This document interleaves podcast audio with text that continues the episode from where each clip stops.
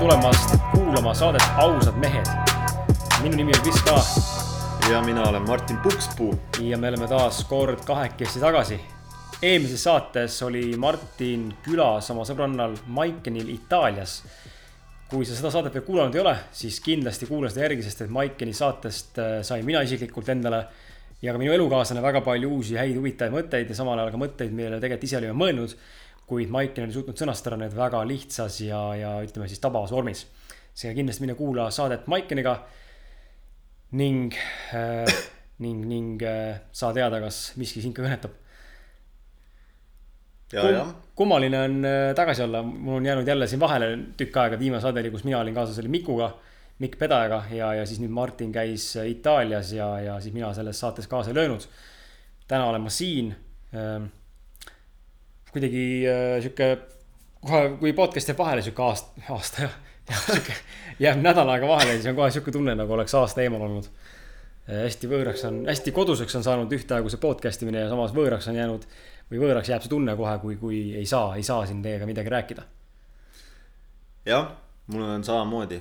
no alles ma tegelikult käisin Itaalias ja tegime Maikeniga podcast'i, aga kuidagi, kuidagi ka sama tunne, nagu ei oleks tükk aega lindistanud ja teinud seda podcast'i. jube hea on. täna on, äh, täna on väga huvitav saade, sellepärast et äh, tänane saade on tegelikult äh, hashtag kolmkümmend neli vist juba meil. ja sellega paneme ka meie saate Ausad mehed formaadi siis selleks aastaks, kaks tuhat kaheksateist aastaks purki. ja, ja tänane saade on aastalõpu saade, tänane saade tuleb meil väga isiklik ja kui muidu Martiniga oleme sellised isiklikud ja lähme väga isiklikuks oma, oma asjade ja oma mõtete ja oma elude nii-öelda mingite väärtuste, asjade jagamisega, siis tänane saade on kindlasti selline, kust sina, kallis kuulaja, saad väga palju väärtust, sest me kavatseme, kavatseme minna väga-väga sügavaks ja tiiviks ja väga isiklikuks just sellel teemal, mida me oleme sel aastal saavutanud, mida me tahame järgmisel aastal saavutada ja, ja üritame anda ka väikseid nõuandeid siis, äh, mitte me võib-olla teaksime, aga omast kogemusest, kuidas neid asju siis saavutada, kuidas paremini tulla toime sellega, äh, et oleks tulev aasta kaks tuhat üheksateist oleks ilus ja, ja parem kui kaks tuhat kaheksateist nii et äh, kõrvakikki ja vänt kõvaks, siis on äh, head kuulamist ja, ja nautige seda saadet et aga, aga kui sa juhuslikult oled äh, täiesti, täiesti, täiesti uus kuulaja niimoodi, et sa ei ole mitte sittagi kuulnud inimesest. siis aja vänt kõvaks. siis aja vänt kõvaks, kõlarid põhja, arvuti võimalikult lähedale, kui võimalik, pane klapid pähe, topeltklapid ja kuula meid. aga meie saade keskendub eelkõige sellele, et me püüame inimestele anda võimalikult palju väärtust, mis siis peaks inimestel aitada, aitama justkui leida iseennast ja, ja jõuda nagu iseenda sellisele sügavamale eneseteadlikkuse tasandile ja jõuda lähemale selle, kes me oleme. et mõista iseennast ja teisi vähe paremini, sest et kui me mõistame teisi, mõistame iseennast ja kui mõistame iseennast, mõistame ka teisi. ehk siis ausad mehed saade, kui sa oled esimest korda meid kuulamas, keskendub sellele, et sinust saaks parem inimene. nii et seoses sellega või selle mõttega seoses mine kuula kõik osad uuesti otsast lõpuni aga meil kedagi tänada ka või? absoluutselt. keda me täname? no esiteks kindlasti aitäh sulle, Mikko. et äh, kirjutasid meile nii recommendation'i kui ka isiklikult meie emailile väga pika sõnumi ja see, see alati puudutab väga sügavalt, kui keegi kirjutab meile väga pikalt ja põhjalikult, jagab oma mõtteid, et, et see näitab, et me ei tee seda saadet kahekesi ja meiega on aina rohkem kaasamõtlejaid ja aina rohkem inimesi, kellele me suudame pakkuda mingit uut äh, mõtteainet. ja kes tegelikult pakuvad ju omakorda vastu ka meile. absoluutselt, et see, see teeb tõesti südame väga soojaks ja teine inimene, keda kindlasti tänada tahaks, ma Miiko, Miiko osas veel nii palju, et ma tõesti, Miiko, kui sa meid kuulad, siis suur aitäh sulle minu poolt ka et ma kirjutasin sulle kirjas ka ja ma ütlen uuesti ka, et mulle, ma väga hindan seda, kui inimesed on nõus ja on viitsivad, on viitsinud võtta selle aja, et kirjutada pikalt lahti ja üritada põhjalikult enda nagu maailmavaadet detailsusteni välja nii-öelda selgitada ja seda nagu noh, näidata ka kirjalikul viisil, sest tihtipeale inimesed ei viitsi vasta kirjadele ja ei viitsi kirjutada üldse tänapäeval enam eriti korrektselt. aga ma arvan, et see eneseväljendus nii suuliselt kui ka, kui ka kirjalikult on, on hästi oluline. ja, ja, ja sellega see, see tegi mul nagu südame soojaks, kui ma nägin, et sa olid nii pikalt kirjutanud, sest et tavaliselt olen mina see, kes kirjutab neid romaane sinna üksinda ja siis mulle vastatakse paari reaga, kus enamus tekst nagu, vastus enamusele tekstile jääb vastamata. siis tekib tunne nagu, et mida sa üldse lugesid, onju. aga, aga jaa, ja teine inimene, keda, tahtsid midagi öelda või? ei, ma tahtsin öelda, et ega meil on sinuga ju täpselt samamoodi. et sa kirjutad mulle mingi kakskümmend message'it ja siis mina vastan viimasele message'ile. okei, või siis ignoreerin lihtsalt. ja, ja teine inimene, keda tahame tänada kindlasti on Eike äh,. oli Eike või? Oli küll jah, vist jah, peame kontrollima või? kontrolli. kontrollime. alles oli meeles, aga, aga kuidagi lendas ära, oli vist Eike jah. kohe ei, vaatame. mulle tuleb ette küll, keegi Eike meile kirjutas. jah, siis jääme Eike juurde. oli Eike, kirjutas meile arvustuse sotsiaalmeedia Facebooki platvormile meie saate kohta ja, ja tegelikult kirjutas ka privaatselt meile eh, jälle tagasiside sellest, kuidas saade on aidanud tal väga palju jõuda paremale arusaamisele sellest, kes ta on ja, ja kuidas saade pakub väga palju väärtust. et aitäh teile, et kuulate ja aitäh, et jagate enda seisukohta ja seda, seda, seda mõttemaailma meiega. jah, aitäh teile veel kord ja aitäh teile. et äh, tahaks omalt poolt veel korra täna tänada teid.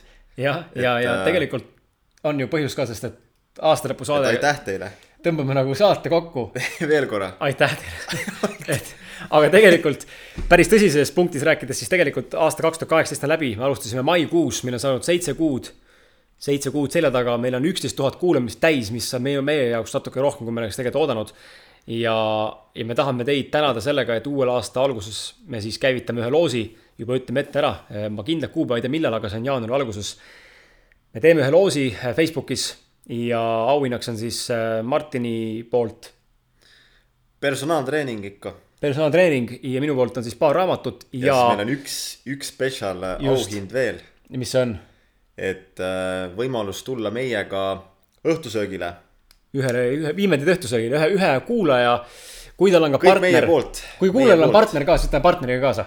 Ja niimoodi, davai, kui partner tahab tulla. Kui tahab tulla, jah. kui partner äh, on täiesti teises maailmas, ei ole mõtet teda vägisi kaasa kiskuda me ei taha temaga rääkida. ei taha temaga. aga ja, et meie poolt siis ja personaaltreening, Krisi raamat ja teeme sulle ühe toreda õhtusöögi välja, kus saame, saame tuttavaks, saame rääkida kõikidel samadel teemadel, millest me siin podcast'iski räägime, et ja, ja, ja tõenäoliselt, kuna ma sihuke väike sihuke bitch ass vegan olen, siis tõenäoliselt me peame minema kuskile, kus on ikkagi vegan toitu ka olemas, nii et võid arvestada, et siis võib-olla me peame olema kuskil või siis sa pead olema meiega kuskil, kus on ainult taimetoit, võib-olla mitte, vaatame jooksvalt, veel kohta ei ütle, sest me ei tea, pole Martiniga rääkinud, aga me tahame sind sööma viia. kuidas seda asja võita ja kuidas meiega sööma tulla ja oma partner kaasa võtta, kui ta on äh, meile sobilik inimene äh. siis, siis Ei, me nii kurjad ei Nii- ole. nii kurjad ei ole, aga tõesti. aga saate aru küll, et kui kui no tihti on niimoodi, et äh, võib-olla elukaaslane ei, ei mõista seda maailma, milles võib-olla sina elad ja kuidas sina tahad ennast arendada ja et noh, ei, ei, ei ole mõtet inimest nagu Pressida vägisi pressida peale, et tema jaoks ei ole see nauditav, meie jaoks ega. aga no tõenäoliselt sul on tore partner ja saad ta kaasa võtta. just. see selleks. ja se- ja sellest loosi, loosi, loosi äh, sellest, kuidas loosis osaleda ja kuidas see käib, sellest juba siis, kui postituse teeme, aga see tuleb jaanuari alguses. hoidke silmad lahti meie Facebooki lehel Ausad mehed. ja sellega on see asi praegu köki-möki. nii enne kui saate juurde lähme, täna on huvitav saade, aga jõulud oli, Martin. jõulud olid. kuidas jõulud läksid, pikad pühad olid see aasta? jõulud olid kuradi toredad see aasta. et äh, sai käidud isal külas, sai käidud emal külas. ja alustakski sellest, et käisin äh, oma tütarlapse Anjaga käisime siis minu isal külas ja. ja ma olin väga positiivselt üllatunud, et väga tore oli isa näha äh,.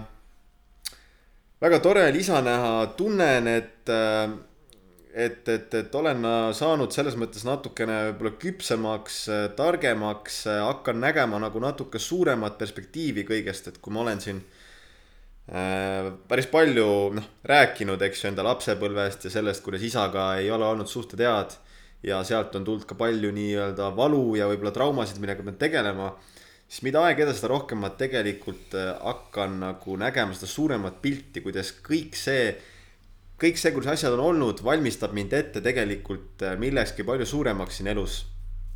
valmistab mind ette, et ma oleks empaatiline, ma suudaks teisi inimesi paremini mõista.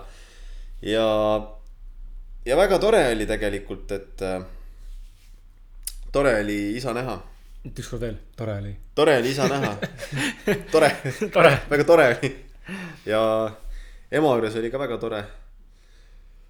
sai, sai pulli ja sai nalja ja, ja ei jah, täitsa tore, toredad jõulud olid. väga hea, jõuluvana nägid või? jõulumaa nägin ka, Päkapikku ronis ka, ronis korstna otsast sisse just oli, oli kinni seal korstna vahel. päkapikud situsid suhu sul või? räägitakse, et hommikuti ärkad, suu vajub, siis päkapikud jaa, suhu sittunud. see on eriti, ma mäletan siis, kui äh, kunagi sai äh, tihedamalt äh, alkoholi joodud, et äh, siis oli eriti hommikul ärkad mingi jõhkra poomakaga üles ja siis on, siis oli eriti hästi see väljend, et päkapikud on suu sittunud. Sihuke mingi õlle, õlle pohmakas, see kõige räigemalt suu haiseb. aga kuidas sinu jõulud möödusid? rahulikud, rahulikud kodus ja, ja käisin isal Tallinnas külas lapsega, esimest korda võtsime siukse pika, pikema sõidu lapsega ette, et äh, meil on siiamaani see hirm olnud, et äkki ei maga hästi autos, siis hakkab nutma ja me üritame seda, taha üldse, et ta nutaks, sihuke tundub, et see lapsele nagu sihuke noh, kui hüsteeriline nutt, siis ei ole eriti võib-olla meeldiv, aga aga õnneks ta ärkas täpselt niimoodi üles, et liftist astusime välja, siis ärkas üles. Et nagu läks hästi ja, ja lahe oli näha, kuidas isa siis, minu isa siis ja mu lapse vanaisa siis nii-öelda siis äh, hoidis last nagu süles ja, ja mul endal läks isegi silm, silm läks nagu märjaks selle vaate, vaatevinkli, selle vaatepildi peale, et hästi-hästi armas moment minu jaoks, et ma just ütlesin enne Martinile ka Balti jaamas süües seal, et äh, isaks olemine nagu on mind nagu natuke muutma hakanud, et inimesena enne ei arvanud, et isaks saamine nii väga muudab, aga, aga nüüd ma näen, et äh, see lapse, lapsele nagu isaks olemine, see kuidagi teeb hingelisemaks ja, ja samal ajal pakub nii palju rõõmu, et äh, uskumatu, aga väga lahe, et äh, võimalik on, siis äh, tehke kiiresti, saage isaks ja emaks, et äh, minu soovitus on, et tehke lapsed kiiresti. nali, kiire, kiiret ei ole sellega, aga, aga kindlasti see on osa, mida võiks elus kogeda. aga sitta sellega, sitta need jõulud nüüd on möödas, mingu nad perse. uus aasta on tulemas, aastavahetus on tulemas. aasta vahetumas, jõulud on minevik. Aastavahetus tuleb, uus teema käsil, viie päeva pärast on su elus momentaalselt uus sündmus kas kaks tuhat üheksateist tuleb parem aasta kaks tuhat kaheksateist ja kui sa ennast kokku ei võta, siis fucking ei tule. ja me räägime siis, mida me oleme see aasta Martiniga õppinud enda kogemuste pealt, mida me saavutanud oleme, pisikesed, suuremad asjad. ja, ja siis jagame ka seda, mida me tahame järgmisel aastal saavutada ja kuidas neid asju võib-olla saavutada. aga enne, Martin, mul on sulle, mul on sulle jõulukingitus. sul on mulle jõulukingitus või? Martin, mul on sulle kingitus. no nii, Kris läheb tooma mulle jõulukinki. Ma selle panin jah. mul on Martinile jõulukingitus. kurat, aga mul sulle ei ole ju. ei ole hullu noh. siin on pakitud jõulukingitus sulle, Martin. ohoh, ohoh, ohoh, teeme kohe lahti või? tee lahti, häid jõule, Martin. teeme siin nii, mikri ees lahti. Martin ei tea, mis see on. küürpaki kondoome. siin on raamat Robin Sharma The monk who sold his Ferrari. Nice. siin on väike, väike pühendus ka siin ähm, Nice, kuskil siin esikaane nice, juures, ilusti nice. kirjutasin sulle ka. kallis Martin, elus võidab see, kellel on kõige rohkem kannatlikkust. aitäh, et olemas oled, häid jõule. Kris, Eliise ja Elli. kuule, aga suured, jaa, suured, suured tänud, tänud teile, suured tänud teile. et äh, Robin Sharma raamat on natuke väikses formaadis, ma tellisin vale formaadi kogemata raisk endale ka ühe teise raamatu väikses formaadis. Mulle meeldib aga see uue raamatu lõhn. aga Robin Sharma on minu nagu suur, suur, suur kirjaniku ja, ja ütleme sellise eneseavastuse, eneseavastamise, eneseteadlikkuse valdkonna nagu mentoritest ja. ja see raamat Munk, kes müüs ma- maha Ferrari, kui kellegi, keegi lugenud ei ole, siis ma kindlasti soovitan, sihuke hästi, üldse Robin Sharma raamatud on sellised, story on hästi paeluv ja te- tegelased on hästi nagu suhestutavad ja need punktid ja mis välja tulevad seal. Need point'id ja need väärtused, mida, mida nagu autor suudab panna sellesse nagu story'sse sisse põimida dialoogidesse, see paneb nagu mõtlema elule paremini järele ja, ja kindlasti, kindlasti on väärt lugemine. aitäh sulle. mul on äh, see aasta kuidagi, ma tegin paljudele, paljudele nii-öelda lähedastele pereliikmetele kinkisin äh, ka lihtsalt äh, enda personaaltreeningu. et kuidagi otsustasin jah, et kuna ei ole seda raha hetkel niimoodi, et visata seda vasakule-paremale ja ei taha nagu kinkida seda nagu ikka iga aasta mingid küünlad, mingid sokid, noh mm -hmm. nagu mingid tegelikult siuksed pudi-padi on ju ja siis mõtlesingi, et ei. teen lihtsalt äh, personaaltreeningu, et äh, see on reaalselt kasulik äh, kingitus ja see ei võta minut tükki küljest. ja, ja eks äh, kui on raha rohkem, siis äh, tahakski teha kallimaid ja ägedamaid kingitusi inimestele. Ferrari isa näiteks. jah. vot, no nii, aga lähme siis saate Aga- juurde. alustame sellest, et me hakkame Martiniga rääkima kordamööda, siis äh, loetleme üles. ette lugema, eriti igavaks läheb nüüd. En-, ei, me loe ette, see on nagu selles mõttes ette lugema, loeme ütte mingi punkti ette ja Martin siis või mina siis vastavalt nende punktidele räägime, mida me sellest reaalselt õppisime eelmisel aastal. ja selle Jah. eesmärgiga seda, et kui sa meid kuulad, siis ma tahan tegelikult, sa mõtleksid kaasa. kui saade saab läbi, siis tee ise endale nimekiri ja, ja ürita nagu analüüsida seda, et mida sa tõesti oled see aasta saavutanud, sest kui sa hakkad asju kokku panema nimekirja, siis tegelikult sa märkad, vähemalt mina märkan et tegelikult see nimekiri tuleb suur ja, ja tegelikult kõik need pisemad ja suuremad asjad, mis kokku tulevad, tegelikult märkad, et tegelikult ei ole olnud üldse sitt aasta aga see ongi see, me tihtipeale unustame ära selle, mida me tegelikult teinud oleme aasta alguses, aasta keskel ja me mõtleme aasta lõpus juba selle peale, et aasta läbi ja jälle aasta vanem, mida ma tegin, midagi teinud ja tegelikult sa oled väga palju asju saavutanud, kui sa ainult suudad seda asja nagu tähele panna mm. -hmm. ja ülimalt oluline on pidevalt märgata ja ennast tegelikult kiita eh, just selle koha pealt, et tunnustada ennast seda, mida sa, selle, selle eest, mida sa tegelikult oled elus saavutanud. ja ma teen otsa lahti. tee ots lahti. minu esimene asi, mis ma endale kirja panin näiteks siia on see, et ma olen tänulik selle eest, et Nonii, ma olin Eliisega talvel Lõuna-Euroopas reisil. mm, -hmm. nii, Nii.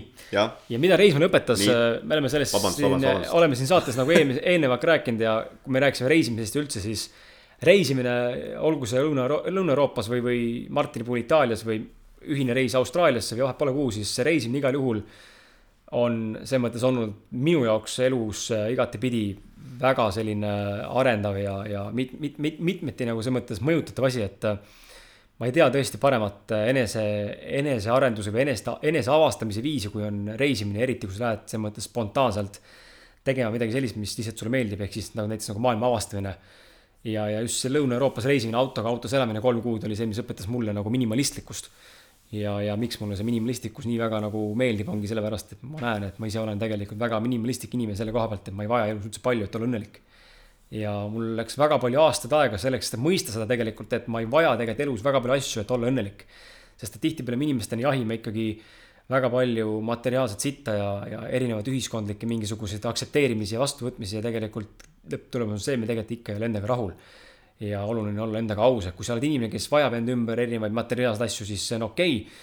ma ei heida ette, et auto, uus auto, Ferrari või Porsche või mingi asi oleks ilus ja tore mu perse all, kõik on kihvt, tore, aga küsimus on, kas mul on seda vaja, kas see teeb mind õnnelikumaks ja mina enda kohta õppisin selle reisil olles, et äh, ma olen väga minimalistlik inimene ja ma tegelikult vajan väga vähe, et olla õnnelik.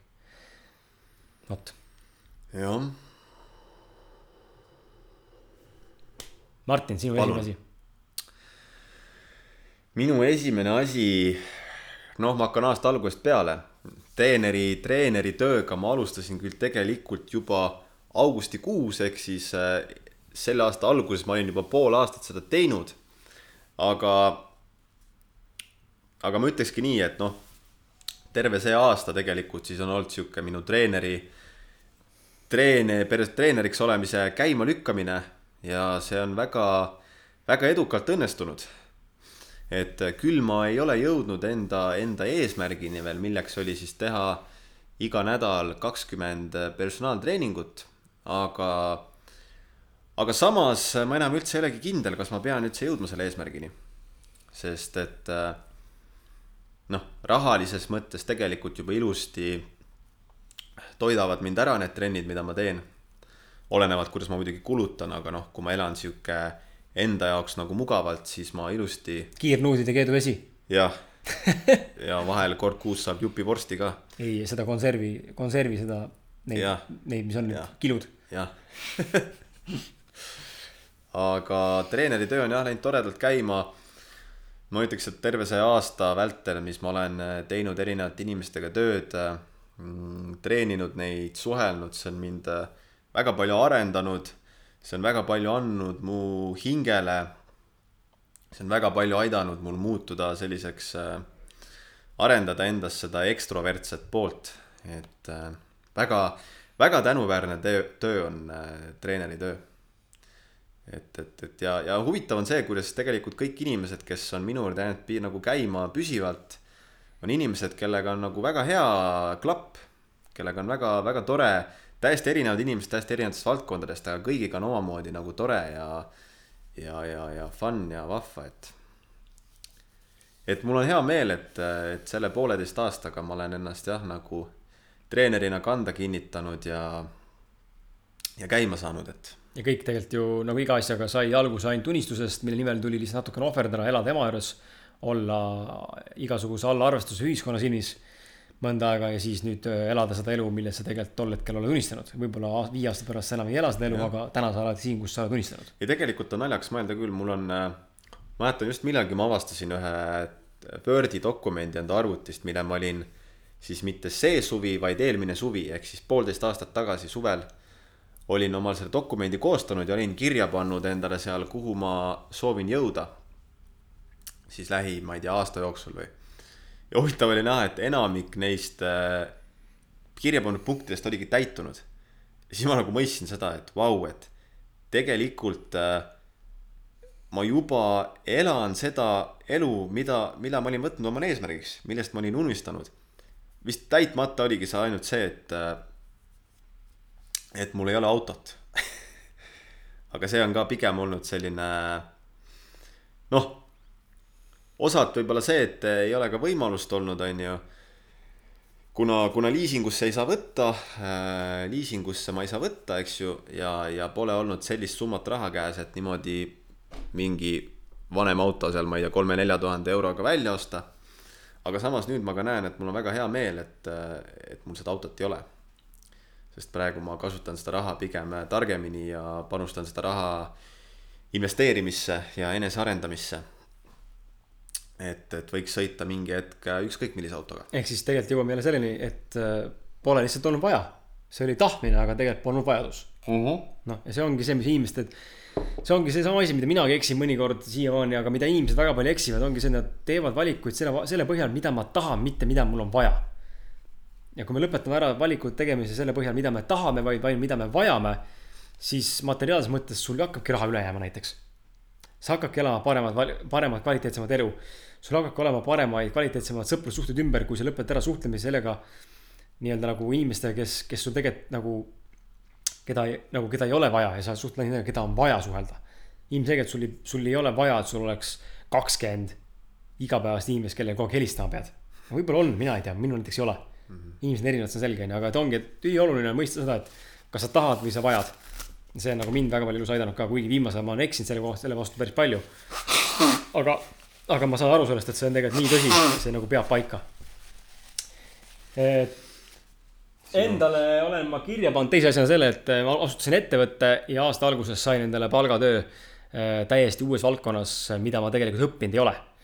ma olen sotsiaalmeedia turundaja ühes ettevõttes äh, ja, ja mis selle asja juures huvitav on see, et mitte see, et ma teen sotsiaalmeedia turundust, ei ole huvitav, vaid huvitav on see, et astuda pea ees täiesti uute valdkonda ilma ühtegi teadmata, mingi omamata, omamist, omamata teadmisi, vabandust. aga on võimeline õppi-, hakkama saada ja ennast arendada ja õppida ja teha, teha nii, et see asi nagu töötab. ja selle asja võti minu jaoks on see, et elu näitab seda, et tegelikult on asi kõik pealehakkamises.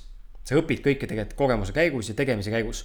me ei saagi oodata seda õiget hetke nüüd ma, et ma nüüd, et ma nüüd lähen ülikooli, ülikooli hea näide selles mõttes, et ma lähen, lähen ülikooli õpin nüüd seal järgnevalt kümme aastat, et saada mingiks doktoriks, on ju, okei okay,, loomulikult ma saan aru, et akadeemilises süsteemis niimoodi kahjuks see käib, see hierarhiliselt niimoodi struktuur on ehitatud, et sa ei saa minna kohe kuskile, ma ei tea, mingit imeoperatsiooni tegema või kirurgiaks kuskile, kui sa ei ole omandanud mingit teatud haridust ja kogemust, on ju, ma saan aru sellest.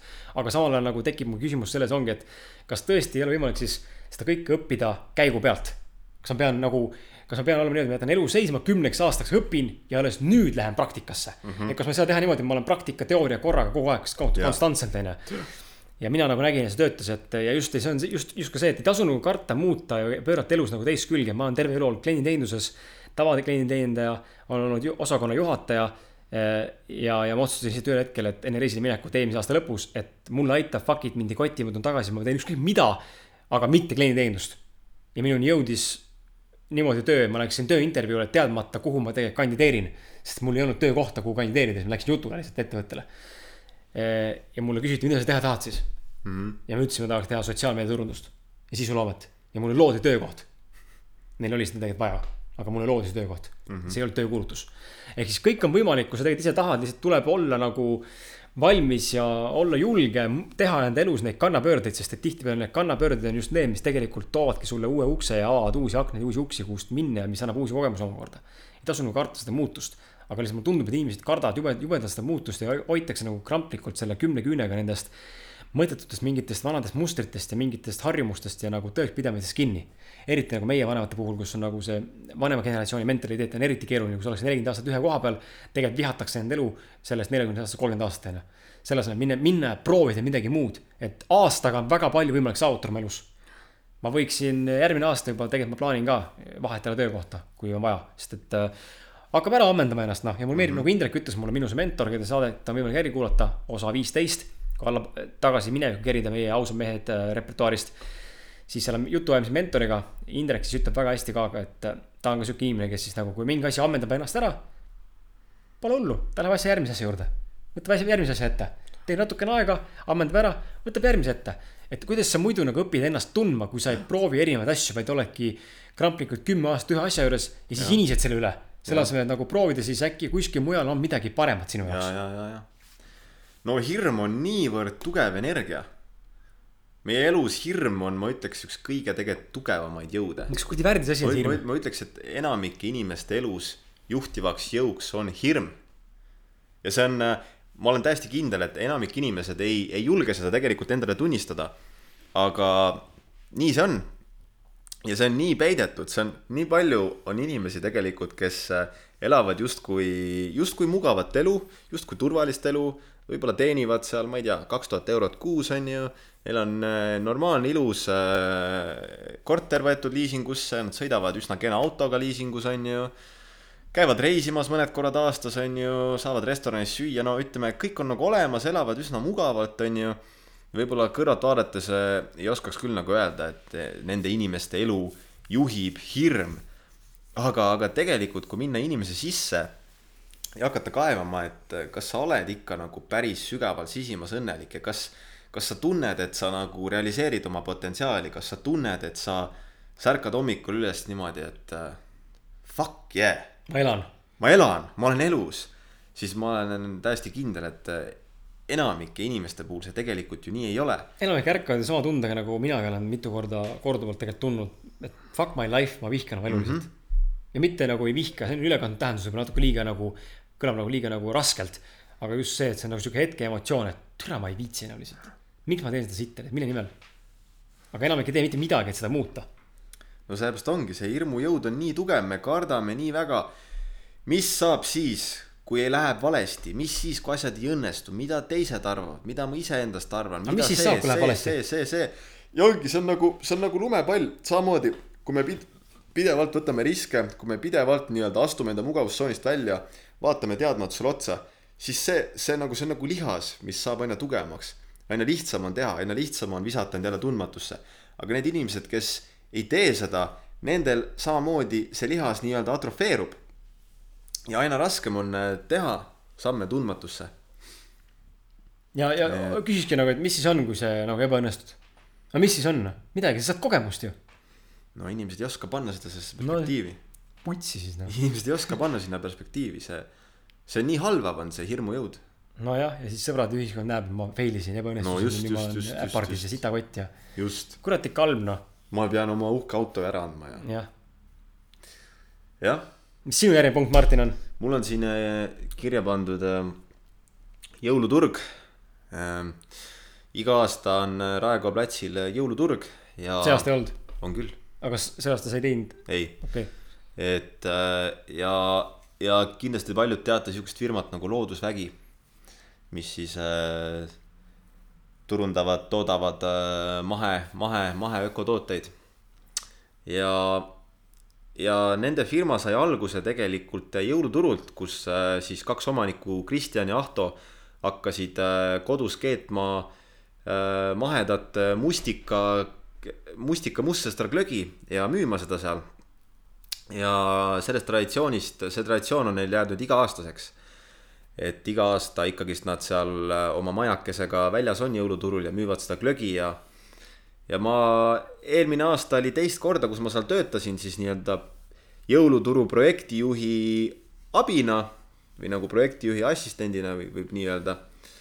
ja, ja mulle väga meeldis see, noh, ütleme meie tööks oli sihuke äh, siis äh, seal kauba ette tassimine äh,, kauba tellimine, kauba vastuvõtmine, kohalevedamine, hommikul majakese lahti tegemine, kinnipanemine tüdrukute motiveerimine, aitamine, tüdrukutele seal pauside andmine, noh, kõik selline, kõik selline majandamine.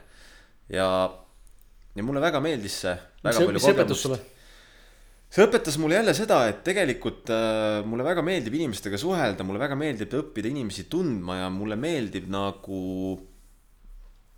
anda neile mingit äh, mingit äh, inspiratsiooni, motivatsiooni, mulle meeldib nagu inimestes avada mingeid uusi uksi.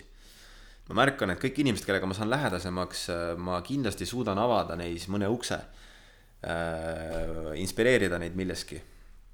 ja, ja, ja, ja mis mul nagu ja too, too hetk ma mõtlesin, et kurat, ma tahaks olla see projektijuht. et äh, see on äge asi, et tahaks seda täiesti ise teha, ise hallata, näha, kui edukalt ma sellega hakkama saan panna end proovile, et äh, tundsin, et see projektijuhi abikoht oli nagu siukene juba nii-öelda nagu kerge minu jaoks. ja, ja suureks äh, üllatuseks siis see aasta enne jõuluturgu mulle pakuti seda kohta. Et vastu ma küll seda ei võtnud, sest et kõik mu energia ja aeg läheb nüüd äh, treeneritöösse ja, ja, ja, ja, ja podcast'i ja, ja investeerimise õppimisse. aga see oli jah, nagu sihuke jälle üks, üks väike saavutus, kui ma hakkan nüüd sealt eelmise noh, aasta jaanuarist, selle aasta jaanuarist tähendab, hakkan nagu tulema mm. -hmm. väga lahe. Äh, järgmisena mina endale olen kirja pannud siia, vaatasin praegu, skip isin mõned, aga olen endale kirja pannud väga tähtsa asja, milleks on siis kauaoodatud see aeg, kus ma hakkan investeerimisega tegelema.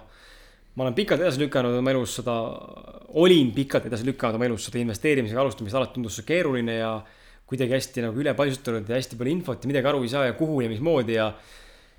ja lõpuks ma nägin, et lihtsalt see krüptoraha nagu, mis siis minuni jõudis jälle, et see nagu tuleb kogu aeg tagasi ringiga, et mul on olnud krüpto minuga käinud siin juba aastast aastasse. Äh, kogu aeg tuleb, tuletab ennast meelde läbi erinevate inimeste.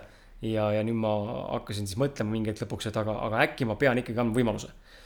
et kui ta niimoodi ennast pidevalt mulle meelde tuletab ja torgib, äkki ma pean siis selle vastu võtma ja, ja uurides seda maailmapilti, kuhu me tegelikult täna üldse liigume enda maailmaga ja majandusega, siis tegelikult on näha, et see krüpto ikkagi on äh, teatud määral tulevik. ja, ja, ja see pani nagu mõtlema ja nüüd ma olengi esimesed sammud ära teinud selles suunas, et ma olen hakanud investeerima erinevatesse müntidesse. ostnud ka mõne, mõne firma aktsiaid siin nüüd. ja, jah, ja no., ja samuti on nagu huvitav näha, kuidas tegelikult äh, noh, see ei ole ka midagi jälle sellist, mida saab nagu teha võib-olla emotsiooni pealt, sa pead ikkagi natuke uurima infot enne, et teha aga, aga jällegi on see, see hirm nagu on ära kadunud selle ees, et äkki ma kaotan raha. et äh, vanasti oli mul see hirm, et miks ma ei tahtnud investeerida, oli see, et ma kaot-, kart-, kartsin nagu kaotan raha või panen raha kuskile seisma, on ju, et see jääb kinni. et see rahahirm oli kuidagi nii suur vanasti, see klammerdumine, et täna on see klammerdumine rohkem nagu kadunud ja rahast on nagu selles mõttes pohhu, et äh, ma olen valmis seda raha, investeeritud raha nagu kaotama ja see on nagu okei okay,, seda räägivad kõik tegelikult, kes investeerivad ja kui sa, sa ei saa enne investeerida, kui sa veel valmis seda raha, mis sa oled investeerinud nagu kaotama. ära kunagi investeeri raha, mida sa ei ole valmis kaotama. just ja, ja, ja omades nagu seda perspektiivi nüüd, seda tunnet nagu, et ma olen valmis ja ma olen aktsepteerinud juba seda, ma olen selle kaotanud, mitte ma nüüd loon seda, aga nagu ma olen valmis nagu omama seda vastutust. siis nüüd ma näen, et nagu mul on palju lihtsam selle rahaga nagu seal nii-öelda nagu turul või turgudel siis nagu navigeerida, et ma ei muretse nii palju. ja, ja see on nagu minu jaoks väga suur samm, et liikuda samm edasi investeerimise suunas. see aasta on kindlasti veel suurem rõhk sellele investeerimisel ja iseenda arendamisel investeerimise osas, et jõuda nagu veel paremate tulemusteni. jah, kui sa selle investeerimise punkti juba sisse tõid, siis ma hüppan siit ka mõned punktid üle. et suve lõpus jõudis ka minuni siis äh, jälle investeerimine.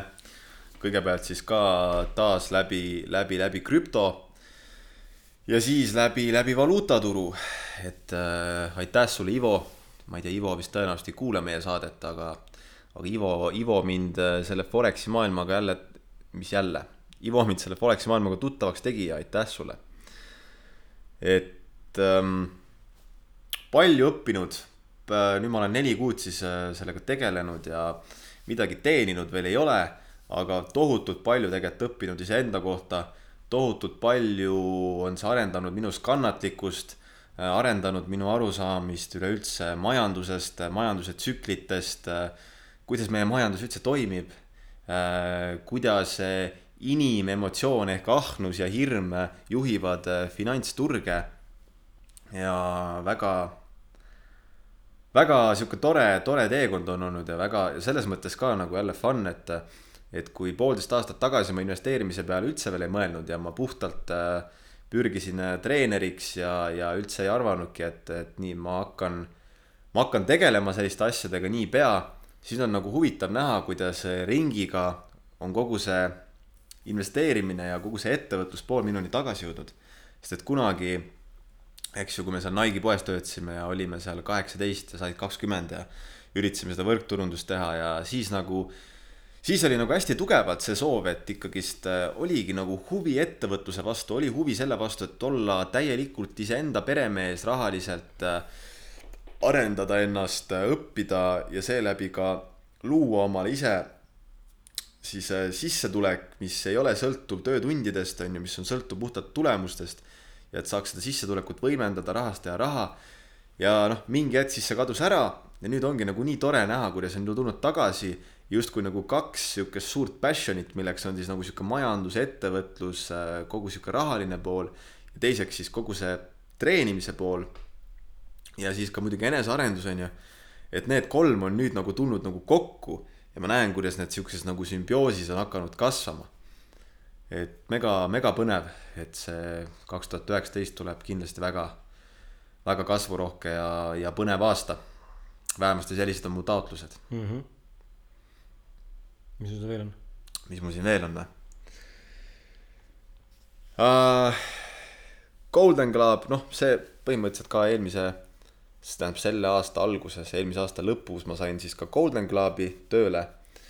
Ja noh, sellest ma juba rääkisin, treeneri töö, aga ikkagist nagu tore on näha, kuidas uh, keegi ei ole mulle ju neid trenne ette andnud, et, et kui võib-olla välismaal on mitmetes klubides see, et sa lähed tööle klubisse ja klubi juba ise, ise nii-öelda siis tagab sulle need personaaltreeningud ja tagab sulle mingi sissetuleku.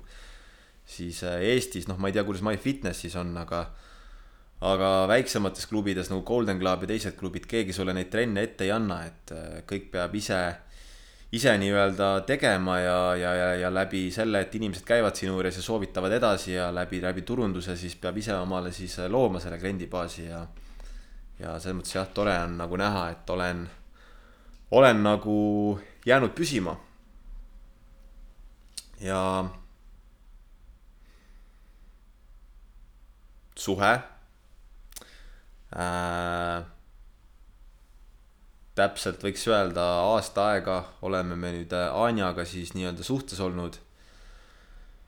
ja see on olnud ikka meeletu, meeletu enesearengu kiirtee.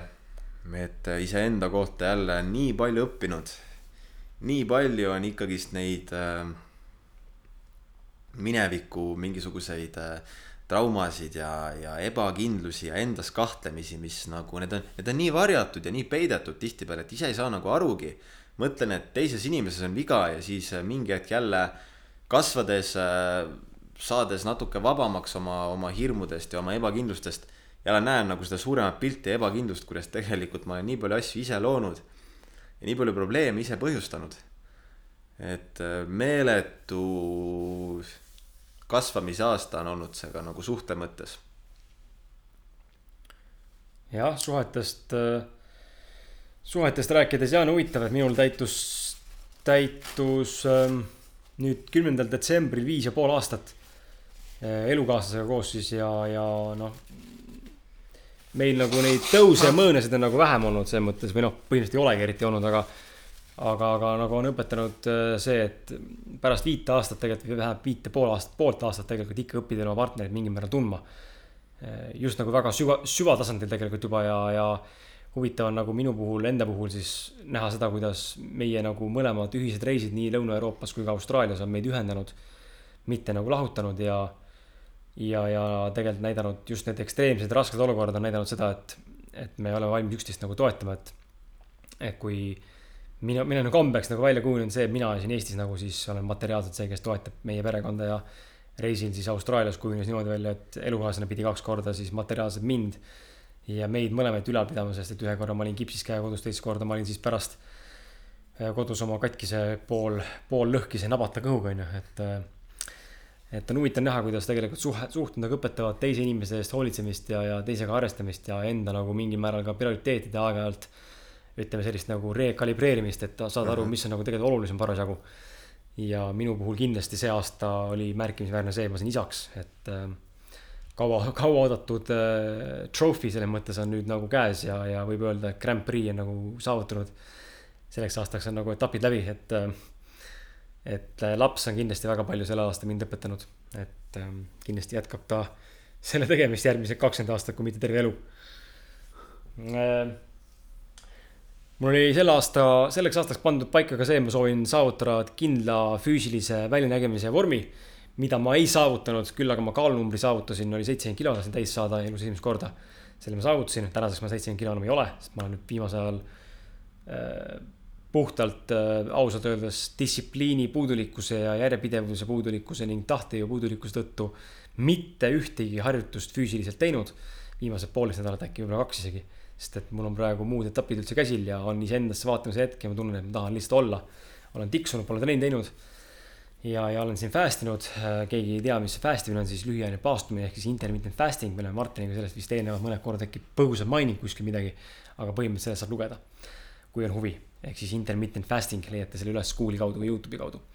aga vaatame, võib-olla äkki leiame saatesse kellegi, kes kunagi sellest äkki räägib ka, aga, aga, aga olen siin jah, kilod uuesti kaotanud ja nüüd ma saan ka aru, et ma ei jahi enam kilosid, ma jahin tegelikult kindlalt nagu füüsilise keha võimekust. ja täna just siin demonstreerisin Martinile siin äh, kätel seismist, et mäletan, kui ma seda siin aasta alguse paigas esimesel poolel hakkasin harjutama, siis esimene, ühest sekundist on tänaseks saanud sihuke viisteist, kümme kuni kakskümmend sekundit heal, headel päevadel kätel seisu ilusti. et ähm, jälle õpetab seda, et tegelikult noh, et nagu minu suurim probleem on see, et ma ei treeni ainult iseenda jaoks, ma tegelikult vihkan treenimist ja ma olen sellega Martiniga korduvalt rääkinud iseendast, iseendaga sel teemaga rääkinud ja ma saan sellest aru. et ma vihkan tegelikult trenni tegemist, see ei ole mu kirg. ja, ja, ja Martini videos, mis on Martini see personaaltreeneri, see tutvustav video.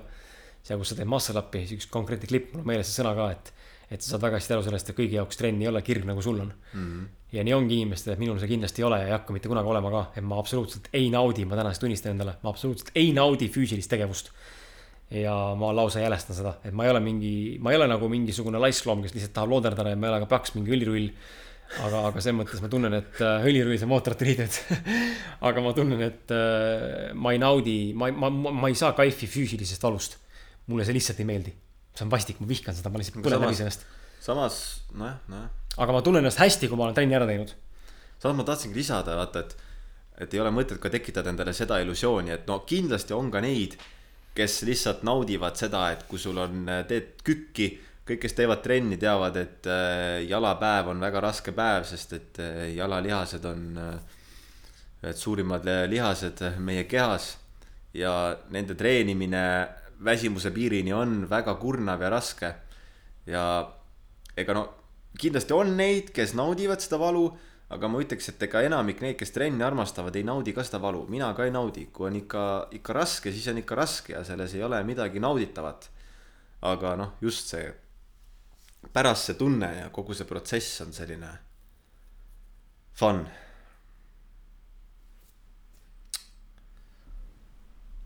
nii mm,. Barcelona. käisime suvel Barcelonas Anjaga kaks, kaks pool nädalat. ja minu jaoks see, ma ütleks, et see, esiteks see tegi meid Anjaga väga palju lähedasemaks ja see nagu minule see ikkagist natuke näitas ja tõestas ka seda, et äh, kuidagi me sobime kokku ka reisitingimustes. ja, ja minul see äratas üles palju tegelikult unistusi. et, et just, just võib-olla ta ärataski üles need unistused, et äh, hakata tegelema rohkem jälle sellise ettevõtluspoolega ennast vaikselt viia kurssi ja, ja sinna investeerimismaailma süveneda, et äh, et ta, ta tuletas mulle meelde, kui tore on tegelikult reisida, kui tore on näha uusi paiku, kui tore on tutvuda uute kultuuridega ja, ja, ja nagu avardada kogu enda seda maailmapilti ja näha, et äh, maailm on palju suurem kui tegelikult see Eesti siin. ja, ja noh, kõik need, me oleme nii harjunud siin lame, lapiku, lapiku Eesti peal ja see on nii nagu heas mõttes šokeeriv, kui sa lähed kuhugi ja sa näed lihtsalt mingit fucking suuri mägesid mm. -hmm. sa näed mägesid, soe on, ma ei tea, lähed randa, inimesed, naised on ilma rinnahoidjateta nagu kõik sellised asjad, need nagu kuidagi lihtsalt programmeerivad meid ümber ja nagu avardavad seda maailmapilti ja ja, ja see kuidagi äratas minus ellu jah, selle ikkagist, et ma ei, ma ei taha elada aastaringselt siin Eestis. ma ei taha olla nii-öelda esmaspäevast reedeni sõltuv mingist kohast siin Eestis, kus ma käin tööl ja teenin raha või kus ma treenin inimesi, onju. et selles mõttes see oli ka võib-olla sihuke murranguline ikkagist minu jaoks, et see tuletas mulle meelde minu nii-öelda suuremad visioonid ja eesmärgid. jah, see reisimise osas ma olen nagu nõus, et noh, me oleme tegelikult nii palju sellest reisimisest siin saates juba saate jooksul rääkinud ka ja, ja neid kõiki asju saab järgi kuulata ka, aga aga paneb ka mõtlema, et et, et iga kord välismaal olles või iga kord välismaal viibimine süstib nagu sinusse või minusse siis sellist nagu ei teagi, inspiratsiooni ja motivatsiooni valangut, et täit on kuidagi täiesti uue energia, täiesti uue arusaamise ja uue, täiesti uue mõistmisega elust enesest, et see, see Eesti ei ole ka minu jaoks kindlasti, ma ei tee siin, ma ei, me ei tee mitte kumbki siinkohal Eestit nagu maha. ei, ei, ma armastan Eestit. mõni nagu tahabki siin elada ja see on täiesti fine Mm -hmm. et aga mina tunnen ka, et ma hea meelega töötan selle nimel, et ma ei peaks siin olema kolmsada kuuskümmend viis päeva aastas, et äh, ma võin siin suvel olla, aga sügisel, kevadel, talvel ma siin kindlasti olla ei soovi. et ma tunnen, ma olen soojamaa inimene, ma tahan äh, rõõmsamat keskkonda. mitte et eestlastel midagi viga on, aga me oleme veidi sellised pessimistlikumad, natukene kurvemad, natukene tõsisemad inimesed ra- rahvusena.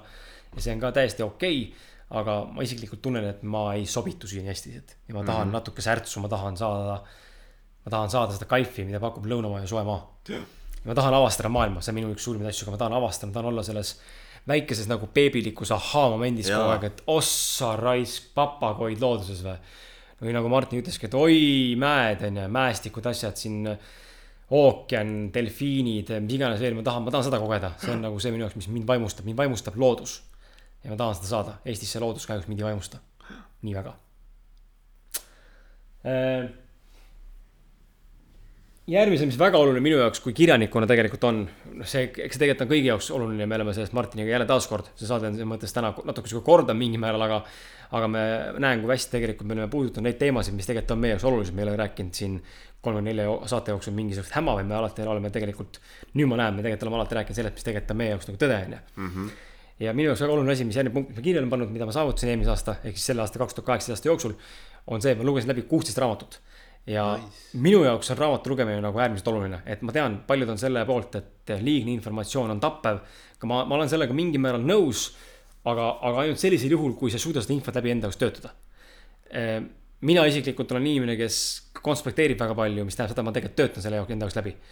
isegi kui ma seda alati praktikasse ei pane, ei tähenda, ma pole seda enda jaoks läbi töötanud, sest läbitöötamine ei tähenda seda, et ma panen ta praktikasse, vaid läbitöötamine tähendab seda, et ma mõistan, kas see on minu jaoks või mitte. ja ja minu jaoks nagu raamatu lugemine on vaieldamatult number üks kõige odavam, kõige kiirem ja kõige efektiivsem viis investeerida iseenda nagu eh, ütleme siis arendamisse, et loomulikult saab teha joogat, saab muid asju teha, aga, aga no, praktilisi asju sa ei saa nagu raamatust, aga sa saad just seda teooriat ja vaimset asja ja sellist nagu mm,, nagu mõistujuttu, mis aitab sul siis seda mõtteviisi nii-öelda veidikene paremasse võtmesse koordineerida või viia. ja raamatu lugemine on minu jaoks äärmiselt oluline ja ma kindlasti soovitan seda ja rõhutan seda kindlasti, et teie kuulajad ka, kui vähegi on, siis võtke kas eesmärgiks lugeda endale noh, te ei pea kuusteist raamatut lugema, seda ei ole palju, mõned loevad siin kuradi aastas viiskümmend, sada raamatut on ju, aga aga nagu lugege kasvõi siis ma ei tea, iga kolme kuu jooksul üks raamat. aastas neli raamatut, ka see on edusammud. et nagu lugege, sest et see arendab igal juhul silmaringi, et eriti kui sa loed midagi muud ka lisaks ilukirjandusele. et mis ei ole üldse vale ilukirjandus ega mingid fantaasia kulmeraamatud, see on kõik okei okay,, arendab mingis aspektis aga just see, kui sa lähed ka sellistele nagu sügavamatele teemadele üle, nagu me siin saates räägime ja raamatutele, mis nagu tegelevad enesearengu ja sellise enese avastamisega, psühholoogia ja muude asjadega, et need kindlasti on need, mis avavad nagu hoopis teistsuguseid külgi sinus. absoluutselt, minul on just, mul on jäänud kuidagi, ma ei tea, kas viimase aasta jooksul, kahe aasta jooksul tahaplaanile nagu, et eks ma loen veidi ikka, aga hästi palju on seda, et ma alustan mingi raamatuga ja kuidagi jube venib ja jube katkendlikult loen ja noh, ma ei tea, võib-olla see võib olla ka sellest, et ma ei ole nagu endale võtnud seda aega igapäevaselt lugeda, sest et kuidagi prioriteedid nagu on olnud natuke teised ja, ja nii, nii palju on kogu aeg muutunud, et aga kindlasti ma tahan jälle hakata rohkem lugema.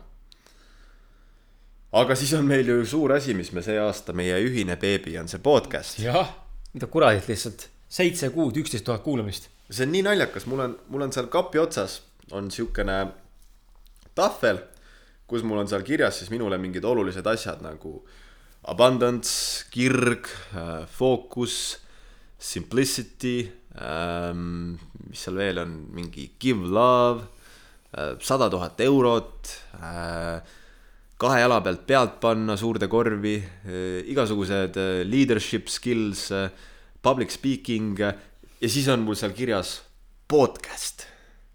ja see on nii naljakas, et see podcast oli mul seal kirjas juba enne, kui me seda broadcast'i Krisiga alustasime. ja mul oli tükk aega oli, oli keerelnud see peas, et tahaks teha, tahaks teha podcast'i, tahaks väljendada oma mõtteid niimoodi ja kui me siis jah, suvel, äh, millal me alustasime podcast'i? see oligi mais, kui ma selle idee sulle välja käisin lõpuks, et kuule võiks teha podcast'i, kas sa mõelnud selle peale? et see oli nagu nii äge, nii äge nagu jälle kokku, kuidas elu, elu, elu tõi meid nagu kokku, et. sest ma olin just tulnud välja Youtube'i tegemisest ja ma sain aru sellest, et Youtube pole minu jaoks mm. -hmm. ma vägistasin ennast, ma pressisin mm -hmm. seda tege tegema ja see mulle, ma ei nautinud protsessi. ma polnud kaameras mina ise mitte kunagi. ja mida ma poleks siiani uskunud, ma arvasin, et nagu ma ikkagi suudan olla, aga ma ei suutnud. et see kaamera muutis mind nii palju tegelikult käitumist mm. -hmm.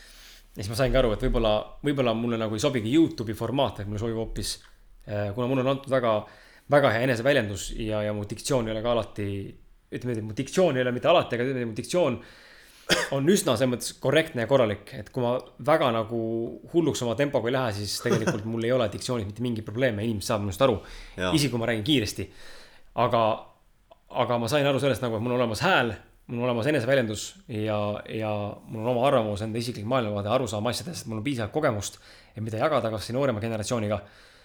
ja, ja ma tundsin, et Martin võiks olla keegi selline, kes suudab nagu samal ajal tasakaalustada mind ja tuua tegelikult võrdväärselt samasuguseid asju ka siia kõrvale, sest me tegelikult oleme suhteliselt ühe puuga löödud tegelikult.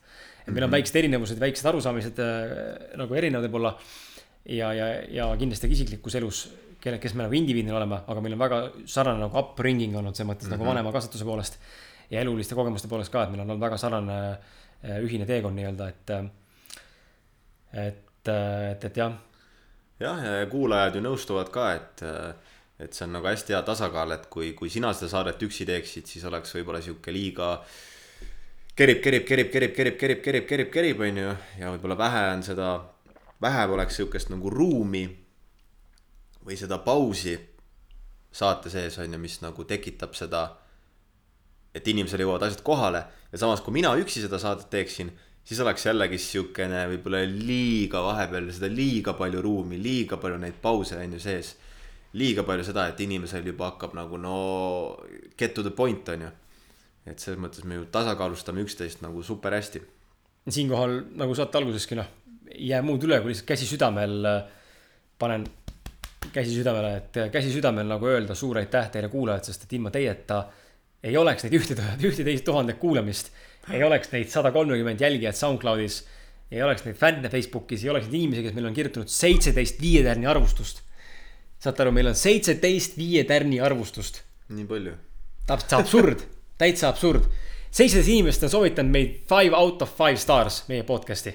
see peaks juba nii mõndagi ütlema inimesega, kes esimest kuul-, esimest korda meid kuulab, meie lehele satub ja mitte tõestamiseks, vaid just selle eesmärgiga tahangi rõhutada seda podcast'i välja tuua siin Martiniga, et kui sul on unistus, siis fucking hakka peale ja tee ära. see on võimalik. lihtsalt tuleb olla kindla visiooniga. järjepidev. järjepidev, kui isegi kindlat visiooni pole, siis järjepidevus aitab alati, lihtsalt hakka pihta nagu on, et uh, thousand.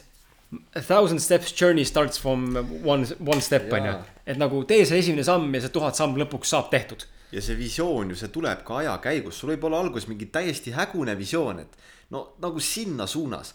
hakka samme tegema, teed mingid sammud, see vaikselt see visioon hakkab selginema.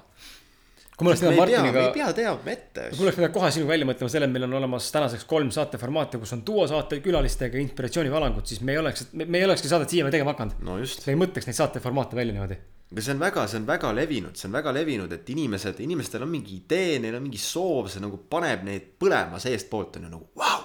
tahaks ära teha midagi siukest. aga ainult siis, kui see valmis on. aga just, et ei, mul ei ole kõik detailid lõpuni läbi mõeldud ja need inimesed ei teegi mitte kunagi mitte midagi ära. Sellest on nii kahju, sest on nii fucking kahju, sest meie kõigi sees on see fucking potentsiaal peidus. meis on nii palju kõigis seda potentsiaali, see on fucking uskumatu. ja siis me lihtsalt mõtleme üle, ei võta neid samme ette, kardame, põeme, tegelikult mõte kui lihtne on ju, lihtsalt, lihtsalt tee. lihtsalt tee. lihtsalt tee nii, nagu oskad. tee. lihtsalt tee on kõik. noh, ja, ja, ja kõige huvitavam ongi see, et Martin nagu on ehe näide sellest, kuidas tegelikult meie podcast'i puhul tal oli usku alguses vähem kui mul võib-olla ja tegelikult suht pikalt oli usku vähem kui mul või, või ta endale ei, ei teadvustanud väga hästi seda. enne kui ta lõpuks sai aru sellest, et täitsa perses, me tegelikult teeme head asja. ja kui ma siin julgen välja öelda, ma teen fucking head podcast'i, ausad mehed, podcast on üks Eesti fucking väga hea podcast kui mitte parimaid, anna andeks, ma ütlen, ma olen väga egoistlik inimene, aga ma olen ka väga humble inimene ja ma tean, kui ma teen head asja. ma suudan endale olla teadlik ja teadvustada ja näha, mis turul toimub. kui ma seda ütlen, siis see on see, et ma tunnustan ja ma saan aru, mida ma tegelikult teen. ja see, ma arvan, elus väga oluline, kui sa teed midagi, on ennast tunnustada aeg-ajalt selle üle ja teadvustada, et sa tõesti teed midagi head. sest et kui sa ennast ei kiida, siis miks peaks keegi teine sind kiitma, kui see endale ei meeldi, miks see peaks kellelegi teisele üldse meeldima, kui sa ei armasta ennast, miks peaks teine sind armastama. Ennast, kõik hakkab meist endast algusest peale, kui tahad muuta maailma, alusta iseendast. see on täiesti õige, see on, see ongi võib-olla, see on äh, eestlasele selline hästi nagu kuidagi võib-olla uus ja võõras. käib nagu ka kuidagi pihta, et mis asja, kes see, kes see ennast kiidab siis on ju, et see on egoism on ju. aga tegelikult ei ole, ma hakkan ise ka aru saama aina rohkem sellest, et see enese tunnustamine, enese armastamine, endale suut-, suuta endale õlale patsutada, öelda, et kurat, ma olen tõesti hea treener või kurat, ma teen tõesti head asja. See on nii vajalik ja see ei ole mitte midagi pistmist sellega, et mingi kõrge ego või ma ei tea, nina püsti käid ringi, vaid see on see, et sa oskad realistlikult vaadata tegelikult, kus sa asetsed ja selle vääriliselt ka käituda mm. -hmm. sest, see on jumala tõsi, kui iseendasse ei usu, siis see peegeldub nii tugevalt välja. miks siis keegi teine peaks uskuma? ja muidugi noh, ja, ja ongi egol ja seal upsakusel, nipsakusel on väga-väga õhuke piir, aga seal on vahe mm. -hmm. Ja kui seda, kui sa seda piiri ei ületa, siis on kõik täiesti fine. kiida ennast kasvõi taevane, kui sa oled ikka veel humble. järgmine asi, mis mina endale kirja olen pannud siia, mis ma saavutasin, on, andsin intervjuu vegan ajakirjale ja tegin väga, väga eduka jõulukampaania enda raamatu müümiseks äh, detsembris, kus ma müüsin siis enda jaoks suure numbri raamatut, peaaegu kolmkümmend raamatut. mis, kui võrreldes eelnevat perioodi, kus ma olen müünud üks-kaks raamatut kuus ja nüüd ma müüsin kolmkümmend. et jälle taaskord õpetas mida mind, ma, ma, mul on hea meel näha, kuidas kirjanikuna olen hakanud nagu ennast nagu rohkem tunnustama ja mind on hakanud nagu rohkem tunnustama samamoodi.